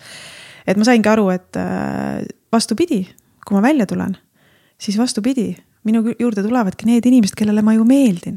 aga kellega ma siis tahan koostööd teha? Nende inimestega, kellele ma meeldin ja kes mulle meeldivad. nii et probleem lahendatud lahendatud ja, aga tegelikult mitte lahendatud, sest selleks, et need õiged kliendid saaksid sinu juurde jõuda, et sa panedki ennast välja, siis see tähendab ka seda, et noh, sa osa, osale seltskonnale sa ikkagist ei meeldi. jah ja sellepärast me lihtsalt ei julgegi. ja see on okei okay.. me keskendume sellega, sellele, et, et nii paljud on, et me hoolime hästi palju teiste arvamusest ja mida teised äh, mõtlevad. liiga palju. liiga palju jah, täiega. ise selle teekonna täiega läbi teinud ja nagu jätkuvalt sellel teekonnal, et ikkagist ma tunnen täiega, et järgmine tase nagu ikka, ikka tuleb täiega sisse see et mhm. fuck, aga nagu mida suuremat mängu ma lähen mängima, seda rohkem on neid inimesi, kellele ma ei meeldi ja ma saan ju loogiliselt aru ja see ongi see, et sa ei saagi kõigile meeldida ja. ja, ja mida suuremalt sa midagi teed, seda suuremale nagu rahva, rahva osa, osale sa ei meeldigi. aga see tundub veel hirmutav, ongi, et nagu fuck, sest nagu me ju inimestena, me tahame kuuluda, me tahame olla armastatud ja et noh, et kõik oleks ikka nagu tore ja, aga see ongi see, kui sa teadvustad, vaata nagu sa praegu teadvustasid endale nagu, et mida suuremat mängu lähed mängima, seda suuremale osale sa ei meeldi.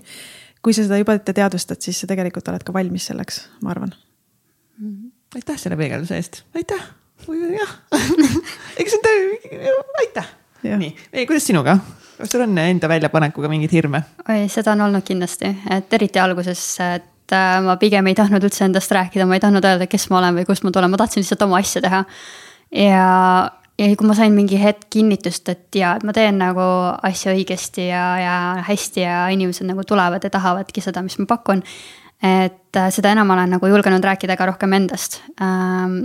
aga hästi-hästi nagu tugevalt oli mingi aeg sees mul see imposter syndrome et, äh, et ma ju olen küll nagu õppinud võib-olla mingeid asju, aga võib-olla ma ei tea nagu nii hästi kui mõned spetsialistid või ühesõnaga, et kogu aeg on keegi võrdluseks ees, et. Äh, kas... alati on keegi kuskil parem, aga nii ongi. rikkam, edukam, ilusam, andekam mm,. jah, ja siis, äh, aga mingi hetk ma lihtsalt vaatasin peeglisse ja ma lihtsalt tunnen, et I am enough nagu, et wow. äh, selles suhtes, et mul ei ole vaja nagu võtta kedagi endale kõrvale äh, nagu et võrrelda ennast kellegiga, et, et kui mina annan endast iga päev sada protsenti, siis see on juba enough. Et okei okay,, võib-olla mõni päev on nagu üheksakümmend protsenti olnud, et vahest on ka okei okay, niimoodi nagu natuke rahulikult ka võtta, aga et iga päev, no ütleme nii et, et üks protsent iga päev, siis see juba viib nagu kõvasti edasi ja ma arvan, et kui sa julged olla sina ise täpselt sellisena, nagu sa oled ja sa usud iseendasse, siis äh, noh mitte miski ei peata sind, sa tead, et sul on konkurendid, vahet ei ole, kui palju äh, sa ennast sinna välja paned. ja sa nagu jah, tõesti äh, teadvustad seda, et, äh, et mul on nagu inimesi, kes äh, võib-olla ei, ei, ei nõustu minuga mingitel teatud teemadel ja see on täiesti okei okay., see on täiesti okei okay niimoodi tunda. ja see lihtsalt tahes-tahtmata, see käib ettevõtlusega ka kaasas, et see, see on asi, mis, millega võib täiesti arvestada. aga kui palju teie olete üldse nagu võrrelnud ennast teistega, teiste naistega naisettevõtjatega, edukamate ettevõtjatega? Ma ei tea, mulle vahepeal sihuke tunne, et see on mingi paralleelmõte mu peas kogu aeg, et kui ma ennem ütlesin, et saab ühte mõtet mõelda, siis tegelikult ma vist kogu aeg siis ütleme nii, et iga päev. Aga samas ma arvan, et äh, on äge tegelikult, et on konkurendid, see tähendab, et sa nagu pakud midagi, mis äh, noh, mille järgi on turul nõudlus. Ja samas ka nagu see on inspireeriv. et sa näed, et oh mu konkurent tegi sellist asja, nii äge, et äh, miks mitte ise ka midagi sarnast teha, võib-olla omas võtmes. et ära kopeeri aga lihtsalt tee oma, oma nagu selle äh,, oma isikupäraga aga ma ütleks täienduseks juurde sellele paralleelmõttele, et see paralleelmõte, mul on seal koma ka taga nagu, et kuigi ma võrdlen äh, ennast kõigiga niikuinii. aga ma olen ka leppinud sellega, et ma võrdlen. ja mm. ma olen ka leppinud sellega, kes mina olen ja ma olen leppinud sellega, et ma võrdlen niikuinii, aga tänu sellele leppimisele ma suhtun ka leplikumalt oma nii-öelda võrdlusobjektidesse. ja ükskõik, kas need võrdlusobjektid minu jaoks tähendavad seda, et need äh, alavääristavad mind või need siis vastupidi, on ju, tõstaks mind üles, siis ma saan aru tegelikult, et. Äh, et äh, ma oskan neid hinnata nagu nii, nagu nad on ja just nagu vaadelda neid ja, ja nagu, nagu nautida isegi seda protsessi, seda võrdlusprotsessi. võrdlemise protsessi. mitte jah, et mitte kohe nagu jah, suruda seda nagu, nagu maha ja eitada seda, et seda ei toimu, kuigi seda on ju kogu aeg toimub, see on äh, nii hea mõte sul praegu, Marika, mis mind hästi, hästi inspireeris ka see, et kui ma hakkasin ennast võrdlema, siis mäletan, et Marlen Annabel Kubri kunagi ütles mulle, et, et, et et kui sa hakkad nagu võrdlema. et siis pöörase kohe nagu nii kiiresti, kui sa saad selleks, et äh, kui tema saab, saan mina ka ja see on päris hästi töötanud, noh, see noh, obviously toimub kogu aeg, aga päris hästi, et, et kui tema saab, saan mina ka ja nagu muidugi hästi hea nagu peeglisse vaatamise koht ka, et okei okay,, aga mis kohtadega sa siis võrdled, on ju. mis on siis need kohad, on ju, kus sa siis endaga nii-öelda rahul ei ole. nagu mingi, ma ei tea, raha või see, kuidas ta välja näeb või mingi elustiil no või kui hästi ta mingi inimestega suhtleb, palju kliente tal on, on ju, et siis sa tegelikult saad nagu, et okei, nagu mis kohta sa võrdled. just mm. -hmm. et see on ka päris hea nagu sihuke statistika koht võib-olla iseendale. eneseanalüüs, jah ja. ja jah, ja mis, mis prots-, kui palju jah, me protsentuaalselt aega kulutame sellele, on ju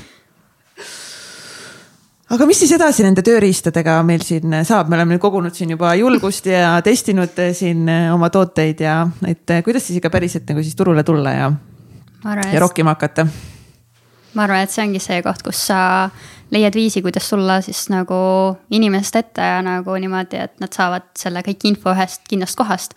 olgu ta siis näiteks sotsiaalmeedia või siis ongi koduleht, et äh, need, kus sa jagad oma uudiseid, oma tegemisi toota infot äh,, nii edasi ja nii edasi. et äh,, et ma arvan, et koduleht on kindlasti üks nagu põhilisi asju, mis võiks ühel ette, ettevõtjal olla, sest ta on nagu osa brändi äh, näost, osa nagu, nagu visiitkaart, ütleme nii. et äh, ja mängib meeletult suurt rolli, et äh, kus siis inimesed saavad äh, vajadusel nagu selle info alati ühes kohas kätte. ja vahepeal tundub, et, äh, et kuidagi, et äkki ongi kogu nüüd kõik me oleme liikunud sotsiaalmeediasse, et kas see koduleht on üldse nagu vajalik äh, koht äh, ettevõtluses. et ma tean, et ma ise äh, siin kalli kaassaatejuhi Mihkliga mingi aeg tagasi väga palju nagu vaidlesime sellel teemal. et Mihkel lausus, et see koduleht pole üldse oluline, et eriti nagu podcast'ile, et inimesed leiavad meid ju, ma ei tea, Spotify'st, Apple podcast'ist, SoundCloud'ist, et see koduleht on nagu mingi täiesti nagu noh seda noh, pole vaja noh, põhimõtteliselt, et okei okay,, las ta midagi seal on, on ju. ja, ja siis mingi hetk, noh, kuna me seda podcast'i tegime ka nagu, nagu põhimõtteliselt neli aastat kõikide muude tegemiste kõrvalt. Äh, ja nüüd, kui me sellest hooajast või noh, hakkasime rohkem fookust panema siia ja kui ma nagu läksin mõned kuud tagasi või alles mingi kuu aega tagasi või kodulehes ma ei olnud käinud seal. siis ma vaatasin, et meie info oli sealt nagu juuni kaks tuhat kakskümmend üks oli mingi viimane saade üles pandud ja ma pidin siis maha ära surema. et inimesed lähevad ikka panevad Google'isse, näiteks otsivadki täitsa pekkis. ja siis nad lähevad meie kodulehele, see on saade aastast kaks tuhat kakskümmend üks, nad arvavad, me ei toimi enam ja siis me jõudsime veel selleni, et me vaatasime siis statistikat seal ja viimase kolmekümne päevaga oli mingi viis tuhat viissada inimest käinud seal kodulehel. lihtsalt nagu mingi täiesti pekkis nagu nii piinlik lihtsalt nagu noh, nüüd me muidugi tegeleme sellega, nüüd ümber nagu uuendatud. aga me tegelemegi ka uue, uue kodu, kodulehega et ikkagi siis aastal kaks tuhat kakskümmend kaks on koduleht jätkuvalt ikkagi suht number üks. Äh, olenemata siis sellest nagu tegelikult, mis valdkonnas tegelevad, noh eriti just mingi online äri ja e-pood ja siis, siis on noh, siis ilmselgelt. aga igatahes jõuame tagasi jälle selle koduleheni. Ja mäletan, kui ma ettevõtlusega alustasin, siis äh, isegi ma ei teadnud isegi, mis asi see domeen on. Nagu päris neli aastat tagasi, mul polnud õrna aimugi nagu kuidas, kuidas ma seda osta saan mis teema sellega üldse on, rääkimata sellest, et ma oleks olnud suuteline. äh, siis mingit kodulehte endale tegema. Õnneks me saime suht ruttu endale ühe praktikandi, kes selle, kes selle ära tegi. Et, et ikka siis koduleht. Ma tean, et on oluline. Ja see on ka täna üks põhjuseid, miks me siia laua taha oleme kogunenud, et kuna me teame, et see on oluline, me teame, et see on ka väljakutsuv, siis, äh, siis täna me räägime nagu sellest, et miks see siis ikkagist oluline on ja kuidas siis alustava ettevõtjana leida endale kõige parem lahendus jah, see on väga hea vastus, mis sa ise vastasid oma küsimusele, on ju, et eh, kas on vaja kodulehte, kui on olemas sotsiaalmeedia, et eh, täitsa pekkis näitel nagu väga hea näide. mina ka enne saatesse tulekut vaatasin teie kodulehte et vaatamata sellele, et olen nagu Spotify'st niimoodi vaadanud, on ju. et Appi. selles mõttes jaa appi ärge praegu minge vaatama meie kodulehte, no te võite sinna selles mõttes minna, aga seal lihtsalt noh, siin nagu. noh, selles mõttes meil on nüüd mingit, vähemalt nagu ei ole aastast kaks tuhat kakskümmend üks see info siin. aga noh, piinlik on veits ikka Pole hullu, käib asjaga kaasas. oleks võinud vähemalt selleks saateks nagu mingid asjad siin korda teha veel rohkem. jah, eks selles mõttes inimesed ju on targad ka, et kui nad näevad ikkagi kodulehel pole seda piisavat infot, siis nad lähevad ju sotsiaalmeediasse. ma ei tea, kas lähevad.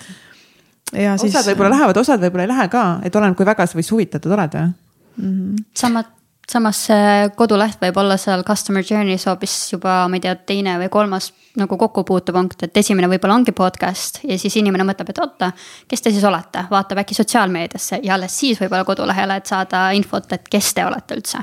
et okei okay,, ma kuulan, mis te räägite, aga kes on need inimesed seal taga et.... ja no kui sa juba meid kuulad, siis on juba mm. nagu hästi, siis sa juba enam, siis sa teadki, kust meid kuulata. aga kui ongi, et keegi pole üldse meiega kokku puutunud ja täitsa pekki, siis inimesed ikka lähevad äh, guugeldama ja lähed, panevad Google'isse sisse ja nii ja ma tean, me oleme Mihkliga ka sellel teemal hästi palju vaielnud, et Mihkel arvab, et, et nagu kõik kasutavad ala mingi, mingi Spotify'd ja Apple podcast'i. ei, on nagu päriselt neid inimesi, kes lähevadki kodulehele, nad tahavadki kodulehelt kuulata meie saateid. nii veider, kui see ka ei oleks, mis siis, et neid on ikkagist nagu vähemus, aga need inimesed ikkagist äh, kuulavad podcast'e kodulehelt. no vot, see ongi ettevõtluse on ju need mütsid on ju, et ma olen ka olnud, avastanud seda, et äh, et kodulehel võib-olla on mingi update info, aga Facebooki viimane postitus oligi nagu märts kaks tuhat kakskümmend üks on ju et selles mõttes, et need kanalid, mida ikkagi strateegiliselt oma nagu ettevõttesse valida kommunikatsioonikanaliteks. et e, ennem seda peab läbi mõtlema, palju sul jõudu ka on, et no nii lihtne on vaata luua endale Youtube'i konto, Twitterisse konto, Facebooki. luua on ülilihtne selles ja, mõttes nagu paar kuigi, tundi. kuigi ütleme isegi tegelikult see nagu noh ikkagi see nõuab vaeva, vaata, sa pead iga kanali jaoks kujundama mingisuguse asja endale valmis. aga sa võid ju ka ilma panna ei või no, no põhimõtteliselt muidugi saab, selles mõttes, et no. lihtsalt saab ka, on ju, jah. aga see küsimus ongi see, et kui palju sa selle haldamise peale pärast aega kulutad, aga ma ei tea, ma arvan ka ikkagi, et koduleht on äh, ilma selleta nagu ikka väga keeruline. no mis siis tegema peab kodulehega? kuidas siis saada endale koduleht üldse? üks asi ongi see, et kodulehte sa võid vaadatagi erineval viisil oma kodulehele, üks asi, kõige lihtsam viis on ja see, et on visiitkaart. Äh, see on kõige lihtsam koduleht üldse oma olemuselt, sellepärast et sa paned sinna staatiliselt info ülesse ja see on tehtud, see töö on ju. et lihtsalt vaatad tõesti, et ütleme, vahetad all seal copyright, et äh, kaks tuhat kakskümmend kaks vahepeal on ju välja mitte ka, ei jää kaks tuhat üheksateist võib-olla, kui tellisid kolm aastat tagasi kodulehe. aga kui su, kui su koduleht peaks olema äh, kas siis müügimees või klienditeenindaja rollis, siis see tegelikult on sinu igapäevane töövahend. kui su, millal sina endale kodulehe tegid, Merili hmm,? ma arvan, et umbes viis aastat tagasi. esimese jah mm -hmm.? ja, et äh, eks see oli ka jah, omaette katsumus, et täpselt samamoodi, et mis vahet on veebimajutusel ja domeenil, miks mul mõlemat on üldse vaja et, äh, et jaa, ma sain jah, päris paljudele küsimustele just sellel alguses saingi nagu vastused, aga eks see võtab jällegi omaette aega ka äh,, hästi palju energiat ja aega, et äh,, et nagu ennast sellesse nii-öelda kadalippu panna, et ja nüüd äh, meil ongi väga äge see, et on äh, Marikal siis äh, kodulehe tegemise tasuta väljakutse.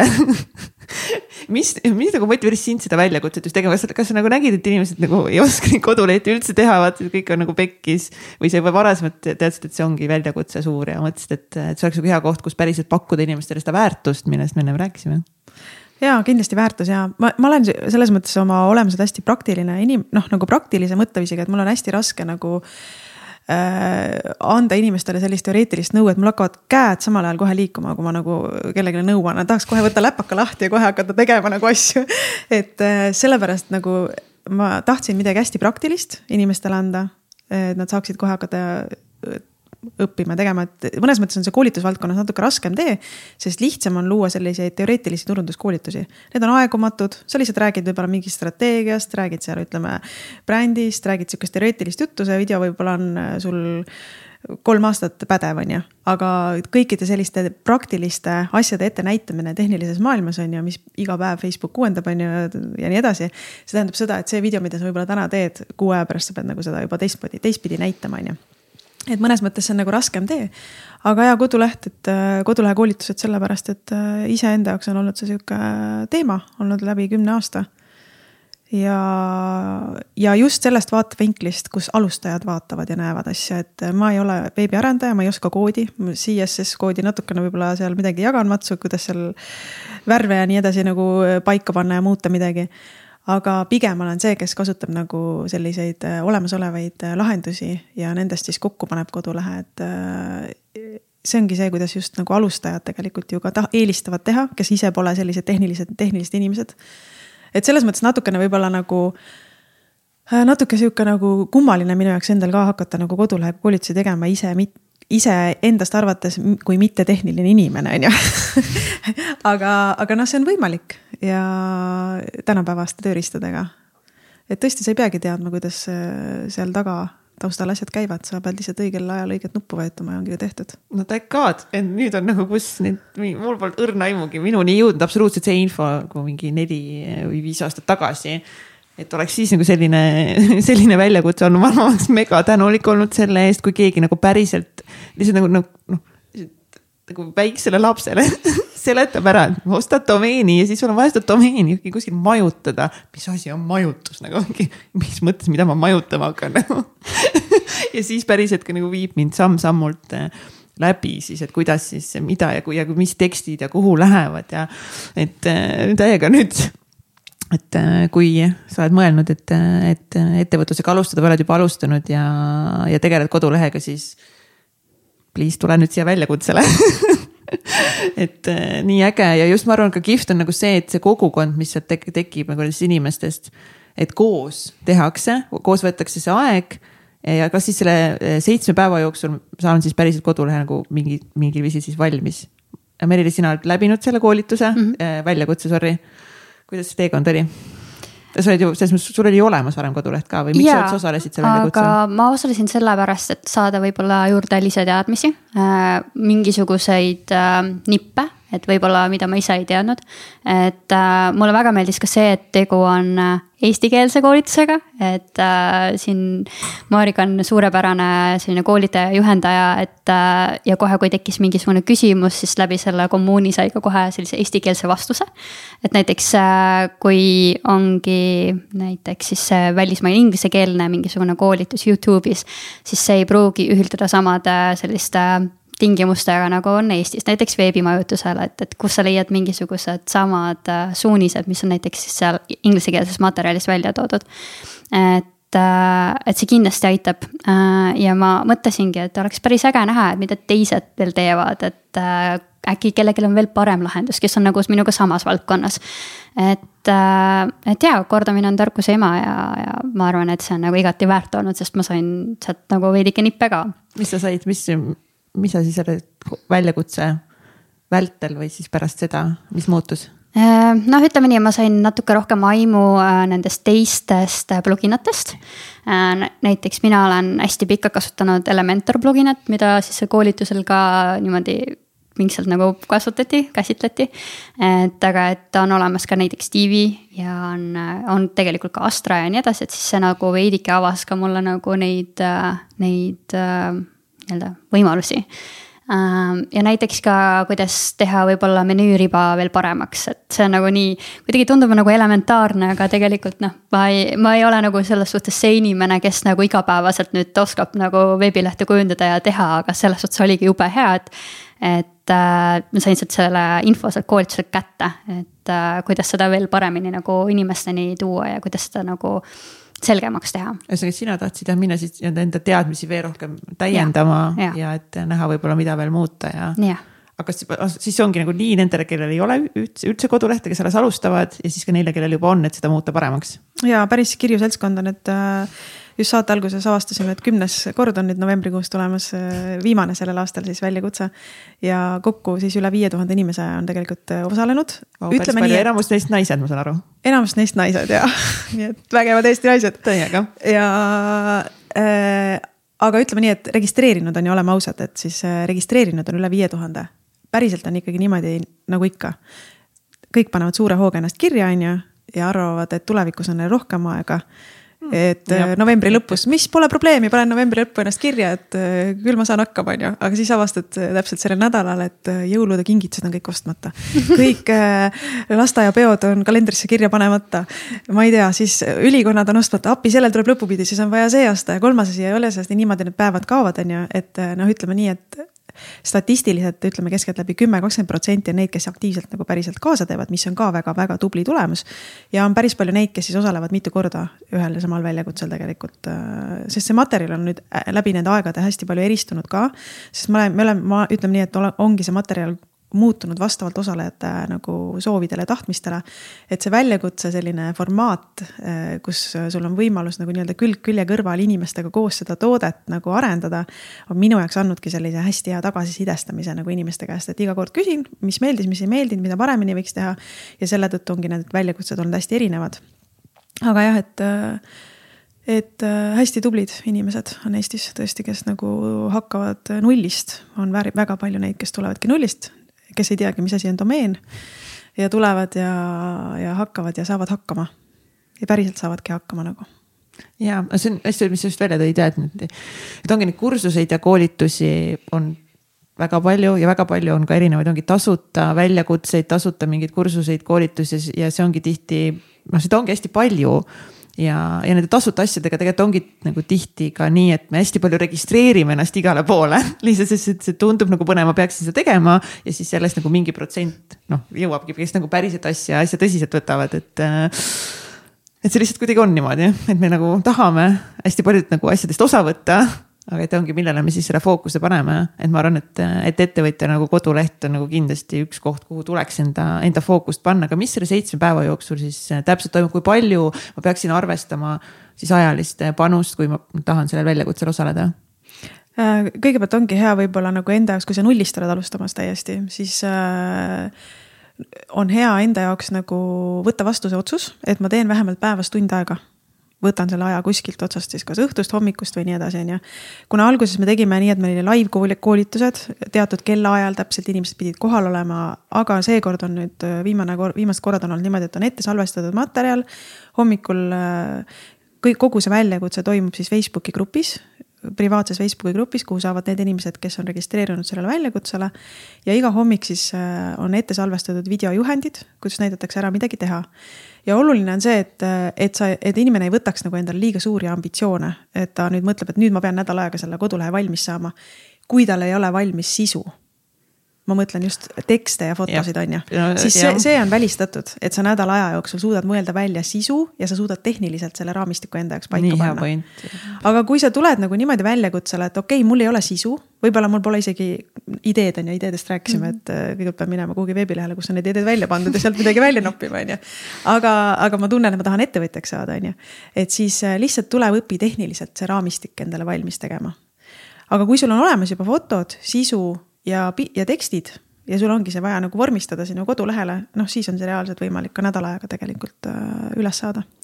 jah, Miia point just, mis sa välja tõid, et jah, et meil on ju vaja sinna sisu ja pilte ja kõike seda, et okei okay,, ma võin selle tehnilise poole ju endale nagu selgeks teha, aga mul on ju päriselt, siis tegelikult ongi vaja hakata nagu mõtlema, mida ma seal kodulehel nagu kirjutan mm -hmm. jah, see on umbes kaheksakümmend protsenti kindlasti kogu tööst, et tegelikult äh, peadki vaatama, et mis tekstid lähevad äh,, mida, mida sa tutvustad, missugused, kas sul on nagu one pager või sul on vaja veel mingeid alamlehti äh,. missugused fotod või videod lähevad, et lihtsalt koguda kokku võib-olla arvutisse endale ühte kindlasse kohta need asjad, et mitte kuhugi igale poole, üks asi on ühes kohas, teine on teises kohas, et.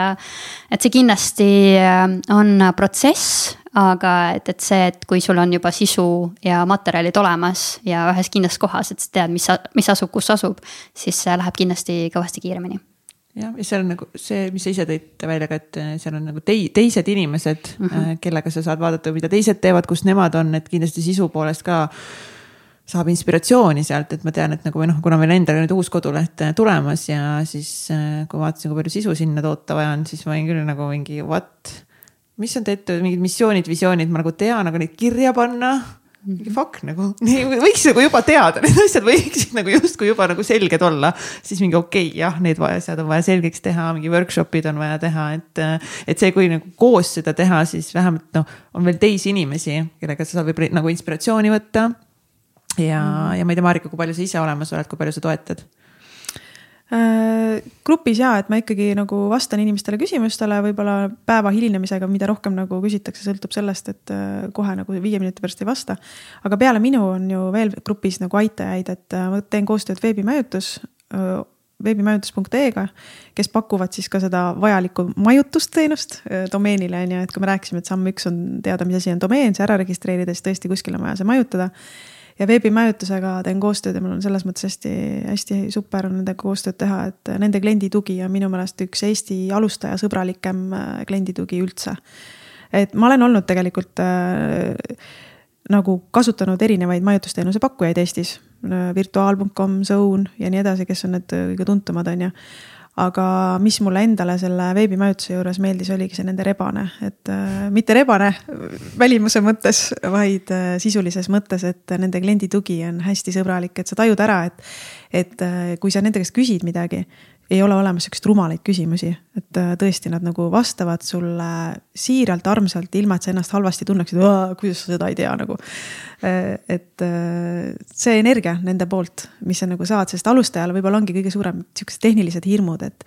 ma ei oska seda küsida, kuidas see käib üldse, ma ei tea, kuidas äkki ma jään lolliks, äkki ma jään rumalaks, ma ei julge teha, ma ei julge seda teha, on ju.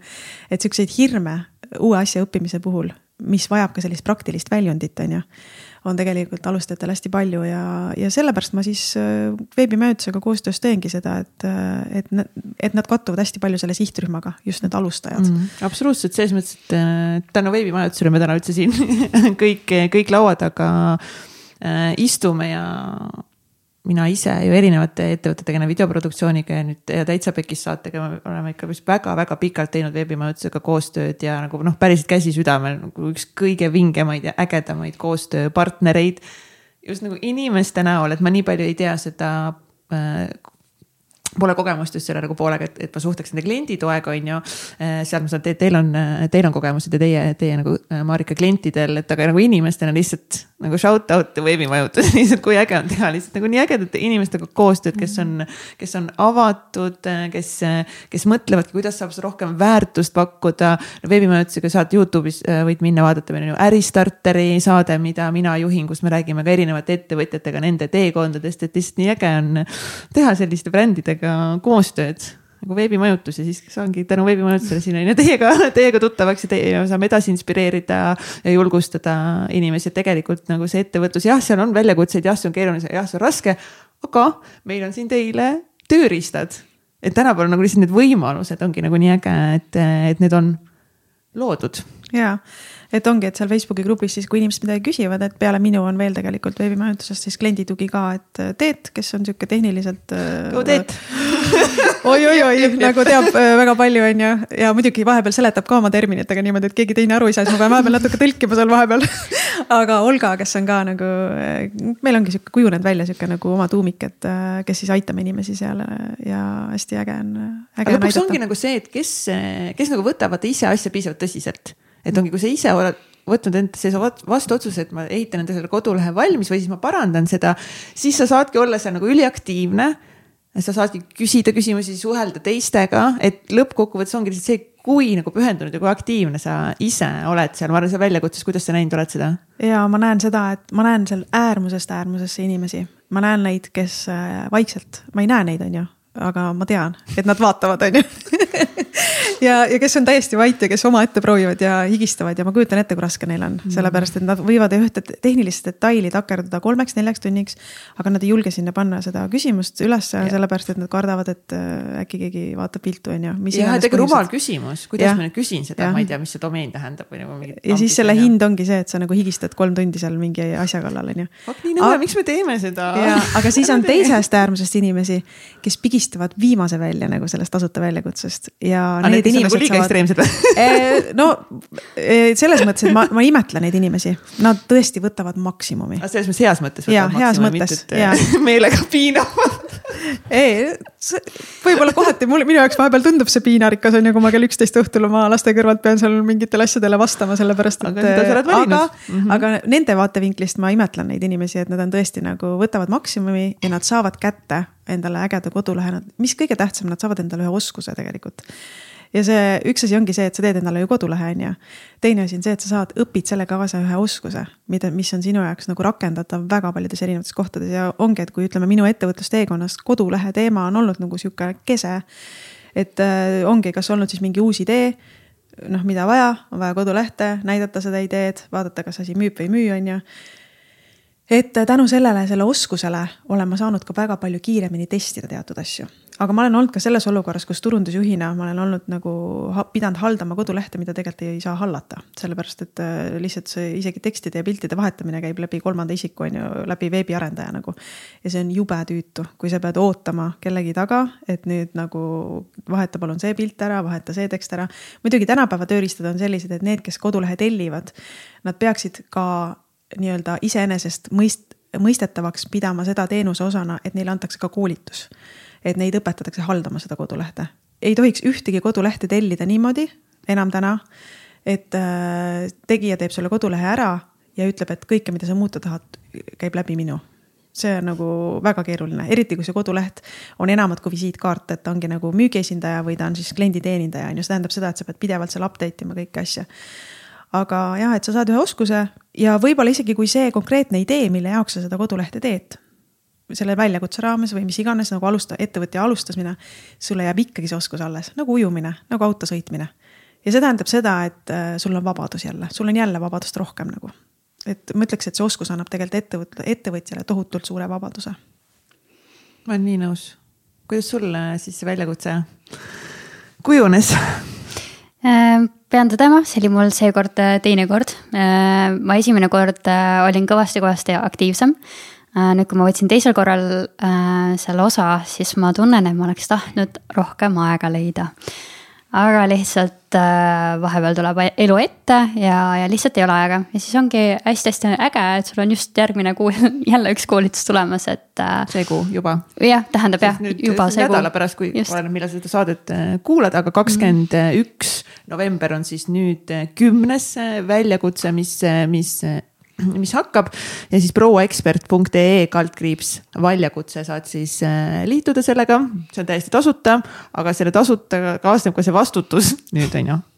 sõbrad, kui sa kuuled seda. ära osta jõulukinke tule väljakutsele, tee endale koduleht täpselt, et kingi kõigile koduleht. täpselt, et nagu tule päriselt, tule päriselt äh, tegema, sest nagu ja. aasta on kohe lõppemas.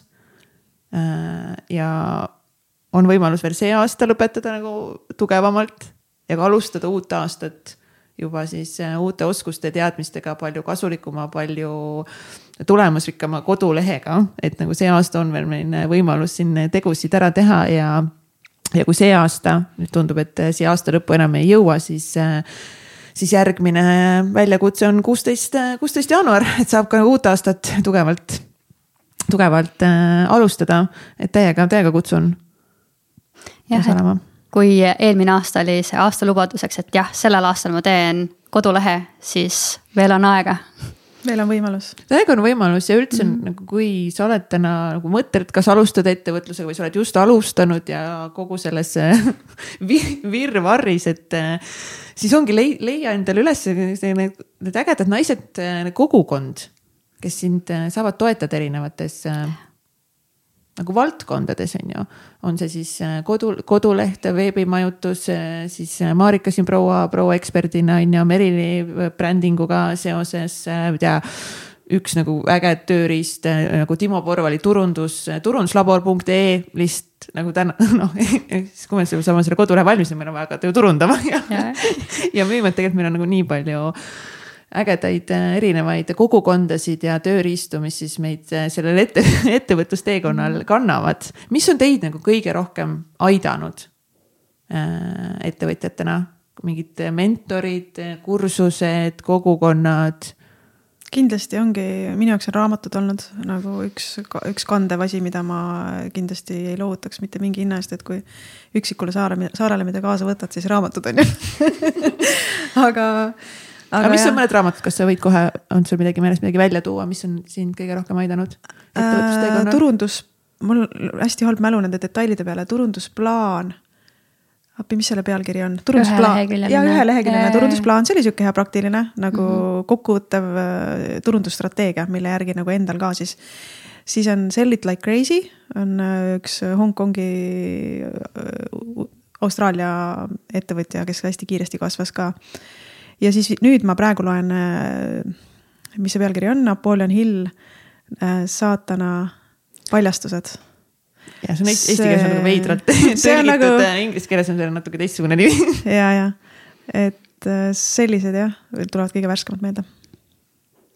jah äh,, mina ütleks ka, et kogukonnad kindlasti, et äh, raamatud jah, äh, siis ka näiteks erinevad äh, näiteks veebileheküljed või näiteks äh, auhinnagalad, et näiteks, kus tunnustatakse mingeid parimaid, ma ei tea, veebilehti kasvõi, et näiteks on nagu üks koduleht nimega Awards, aga ta on nagu awards nagu www on seal vahel, et kus on välja toodud üle maailma selliseid parimad kodulehed ja siis sealt võib ammutada hästi palju sellist inspiratsiooni. Äh, kindlasti on ka hästi-hästi äge, et on nagu ka lähedased, et äh, sõbrad, pere, elukaaslane, et äh, kes nagu elavad sulle täiega kaasa ja sa lihtsalt tunned ennast sellest nagu kannustatuna. et tegelikult võib inspiratsiooni ja sellist nii-öelda sütitavat tuld leida erinevatest kohtadest siia lõppu veel võib-olla korra puudutaks äh, seda brändingu, brändingu teemat äh, ka, et okei okay, üldse nagu, millal peaks hakkama sõnale nagu bränd ja bränding nagu tähelepanu pöörama ja kui suurt rolli see mängib mul ka siis kodulehe tegemisel? tegelikult päris suurt rolli isegi, vähemalt minu arvates, et kindlasti algab see sellest, et kui inimene teab, et ta tahab seda asja natuke suuremalt teha, kui seal lihtsalt oma naabruskonnas võib-olla müüa äh, väiksemaid asju, et kui ta teab, et ta tahab nagu seda pakkuda näiteks tervele linnale või külale või Eestile või siis kogu äh, siis maailmale. et äh,, et see on nagu see koht, kus sa saad nagu mõelda, et äh, kes on sinu bränd, mitte lihtsalt, et mis on sinu bränd, aga nagu kes Äh, et kuidas sa nagu seda iseloomustaksid nagu oma parimat sõpra. Ähm, missugust väärtust see pakub, ähm, mis on nagu need põhilised tooted või teenused. Ähm, ja, ja kui see bränd ja selle olemus on selge, siis on nagu see hetk, kus sa hakkad seda nii-öelda rakendama ja ellu viima, et äh, rakendus siis näiteks kodulehel ongi, et missugune on logo, kus sa kasutad logo mismoodi, et näiteks meil on nagu erinevad äh, menüüpäised, et kas sa kasutad seal sellist ruudukujulist logo või pigem nagu sellist äh, vertikaalset või, või landscape, et ühesõnaga sellist erinevates formaatides, missugused värvid on sul kasutusel. kindlasti tasub meeles pidada, et hoida nagu ühtset joont, et kui sul on kõik seal erinevates toonides, erinevates kirjatüüpides, siis see ei, ei, ei mõju väga usaldusväärsusena, et, et mida selgem on sinu bränd ja see, kuidas sa seda nagu äh, välja näitad, seda suurema usalduse saad tekitada oma kliendis, et äh, ja seda meeldejäävam sa oled. ja seda suurema tõenäosusega ta soovitab seda edasi, et, et äh, ja jah, et see ongi nagu see koht, et kus tuleb lihtsalt läbi mõelda, et kui suurelt sa tahad seda ette võtta um,. ja et, et kes on su bränd ja et kuidas siis seda kõike rakendada ja ma arvan, et äh, bränd on sul juba niikuinii selles mõttes, et kas sa teed seda või sa ei tee seda, et see on sul niikuinii nagu alustades olemas. Nagu, jah, jep, see ja, on. aga parim valik on, kui sa teed seda nagu teadlikult ja suunatult nagu. see on parim, parim valik, aga ma ei tea, Marika, kui, kuidas alguses, kui, kui suunitletult sina seda teinud oled just nagu ettevõtlusega alustades no tegelikult mina ütleks alguses ja kui ma näen ka neid, kes kodulehe väljakutsel osalevad, et mõnikord nad panevad jälle liiga palju rõhku oma logole ka. et nagu sellest logost tasub nüüd edasi astuda, et kõik need logod, keda, mida me siin näeme, ma ei tea, Nike ja nii edasi, need on küll ülivinged, on ju, aga see on lihtsalt üks kriips, see Nike, Nike logo on ju, aga tegelikult, mis seal taga on, et nagu ikkagi see sisu on noh ka väga oluline, ilma selleta nagu ei ole, ei ole võimalik nagu ühtegi brändi pikalt nagu pidada siinkohal ma tooks välja ühe äh, tsitaadi äh,. Maya Angelou ütles, et inimesed äh, võivad kopeerida seda, mida sa teed, aga mitte kunagi ei saa kopeerida seda, kes sa oled või, või kuidas sa paned neid ennast tundma. ehk siis brändi olemus seisnebki hästi palju selles, et äh,, et nagu, mis on selle põhiolemus äh,, et nagu mis on selle nii-öelda põhiseos koos siis selle ideaalse kliendiga ja kuidas sa siis nagu selle nagu ellu viid jah, ja üks asi ongi see, et võib-olla ka kodulehe vaatevinklist, kui mõelda nagu seda brändingut on ju, et ja ilma selleta ja sul on vaja värve, sul on vaja nagu isegi kui sul logo pole.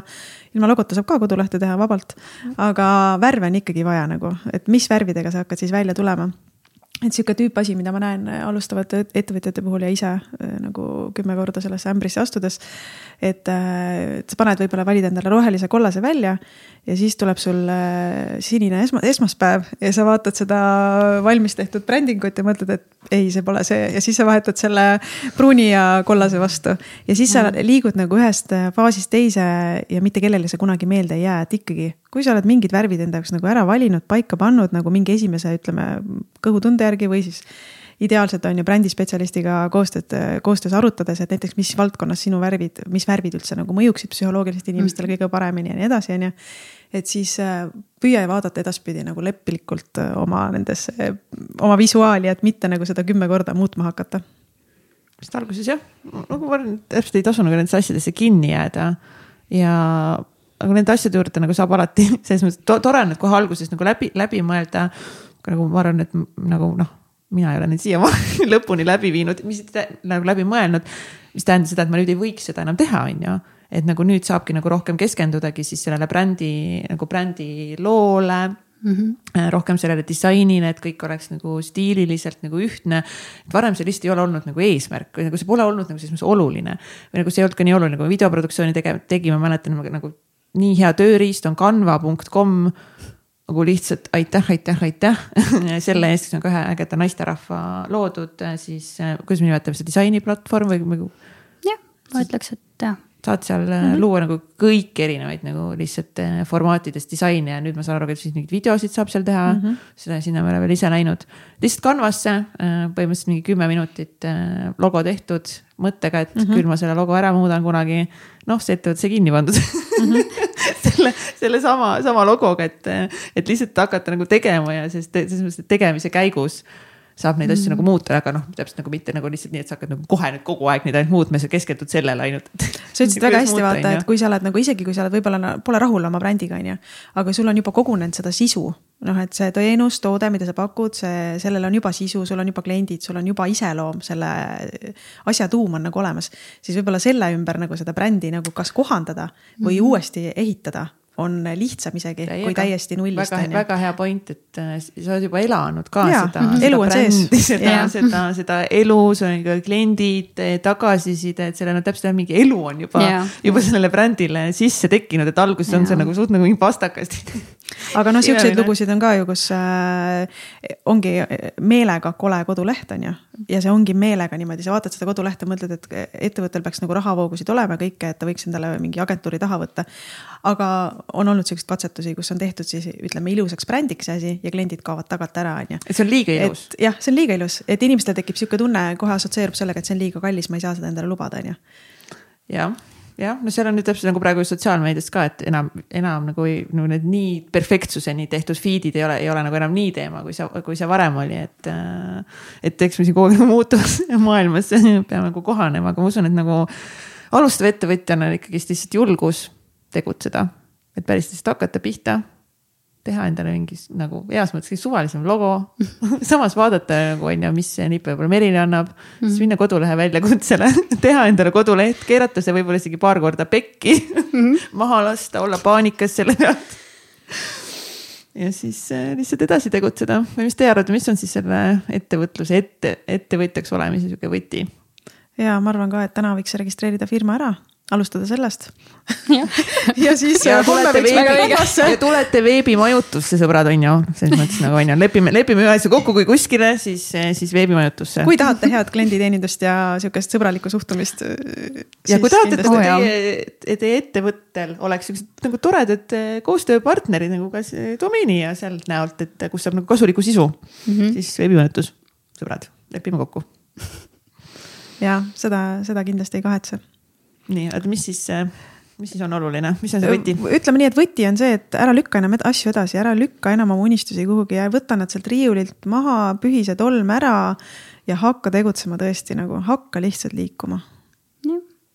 ja sa juba võidad, kui sa juba selle esimese sammu teed, siis palju õnne, et siit hakkab su teekond aga, aga jaa, ma arvangi, et, et on kindlasti julgus ja, ja see esimene samm ära teha ja alustada siis sellest ettevõtte loomisest. Ähm, kasvõi jah, tõesti võta lihtsalt ette Canva, äh, tee seal mingisugune logo, mis võib-olla suhestub sinuga ja võid kasvõi tekstide asemel kasutada sellist lorem ipsum generaatorit, et sa ei pea nagu päriselt tekste veel välja mõtlema. vaid sa kasutad nii-öelda -hmm. nagu sisutekste või nagu sihuke väljamõeldud tekst siis, et äh, sa saad kohe ära näha, et kuidas ta visuaalselt võib äh, näiteks kodulehele nagu näha jääda et äh, aga jah, kõik algabki lihtsalt sellest esimesest sammust ja otsusest, et davai, nüüd ma hakkan pihta ja samm-sammu haaval, et äh, mitte nii, et ma nüüd hakkan kohe jooksma, on ju vaid et esimene samm. sprintima ei tasu jah kohe või? tee lihtsalt kõigepealt coming soon leht valmis nagu. koduleht. jälle nii hea nipp.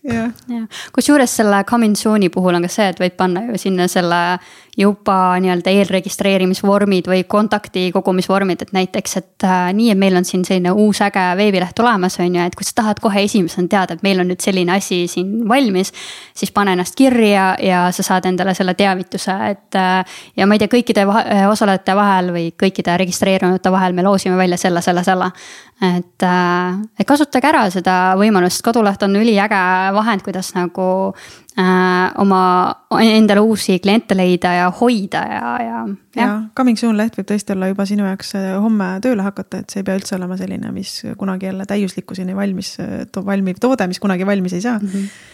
aga ütleme nii, et ühtegi vabandust ei ole, et oma unistusi mitte täide viia, tegelikult. eriti Eestis, siin vabas Eestis vabas online'is, kus me võime ükskõik kuhu, ükskõik mida nagu müüa lihtsalt homme päev juba. täiega. Ja täpselt alustame tegutsemist, kas siis loome ettevõtte, otsust, võtame vastu otsuse, et me tahame järgmisele tasemele oma ettevõtted viia, et me kõik tegelikult teame, mis, mis on need mingid siis erinevad valdkonnad ettevõttes, kus on vaja seda fookust siis panna ja seal julgemalt tegutseda ja ja teame, et see ei saa olema nagu kerge teekond, aga see on kõige ägedam teekond, kui sa otsustad seda päriselt teha, sest see kasv ettevõtjana nagu see on lihtsalt maailma parim enesearengu. täpselt ja tuleb kaifida. võib-olla sellepärast ma olengi ettevõtja nüüd saate lõpus jõuame, sest mulle meeldib areneda nagu. aga on ju, sest fucking nagu iga päev on väljakutse, iga päev ikkagist midagi läheb, läheb tegelikult eh, pekki ja sa kogu aeg õpid ja arened ja, ja kui kihvtide ägedate inimestega oh, sa saad äh, tuttavaks et nagu nii palju ägedust on selle kogu nii-öelda siis natuke selle raskuse kõrval, aga ma panin endale kusjuures just külmkapi peale ka sellise lause, et uh, I can do hard things.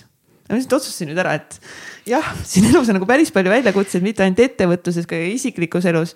aga I can do hard things, et see on okei okay, et, et asjad nagu ongi väljakutsuvad ja mingites kohtades nimetame neid siis nii-öelda raskeks ja siis äh, vahepeal vestled siin erinevate inimestega, kuulad erinevaid äh, lugusid ja saad aru, et kõigil. Läheb on, pekki. Läheb pekki et saad kuulatagi, paned siin mõne täitsa pekkis teise saate käima ja kuuled, et lihtsalt kõigil ja ma arvan, et sellega peab arvestama, et kui sa ettevõtjaks hakkad, siis sul läheb veel rohkem pekki kui varem nagu sellepärast lihtsalt, et ettevõt-, ettevõtjatena me teemegi, võtame asju ette, mida me pole kunagi varem teinud mm. -hmm. see tähendab karanteeni, garanteeritult läheb pekki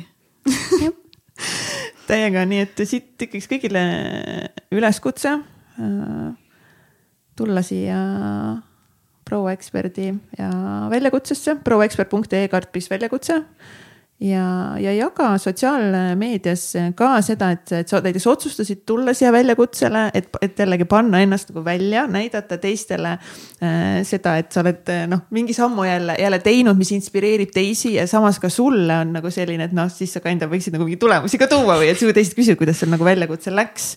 Et siis, äh, siis on nagu selline vastutus natuke, et, äh, et julgeda panna ennast rohkem äh, rohkem välja ja katsetada ja nii, et ma olen nagu lihtsalt loodan teid kõiki näha seal.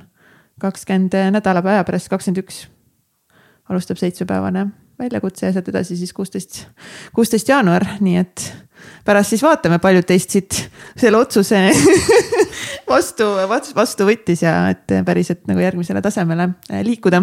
kuna me just ennem siit raamatutest rääkisime, siis äh, kingituseks saate valida siis mõlemad endale ühe raamatu Äh, siin on valikus äh, siis Million Mindseti poolt Grant Cardone'i kümne korra reegel, ainus erinevus edu ja ebaõnnestumise vahel mm.. Grant Cardone kindlasti üks, äh, üks väga hull, hull tegelane. Gary Vaynerchuki nii lüüakse läbi raamat sellest, kuidas edukad ettevõtjad kasvatavad oma äri ja mõju ning kuidas ka sina saad seda teha.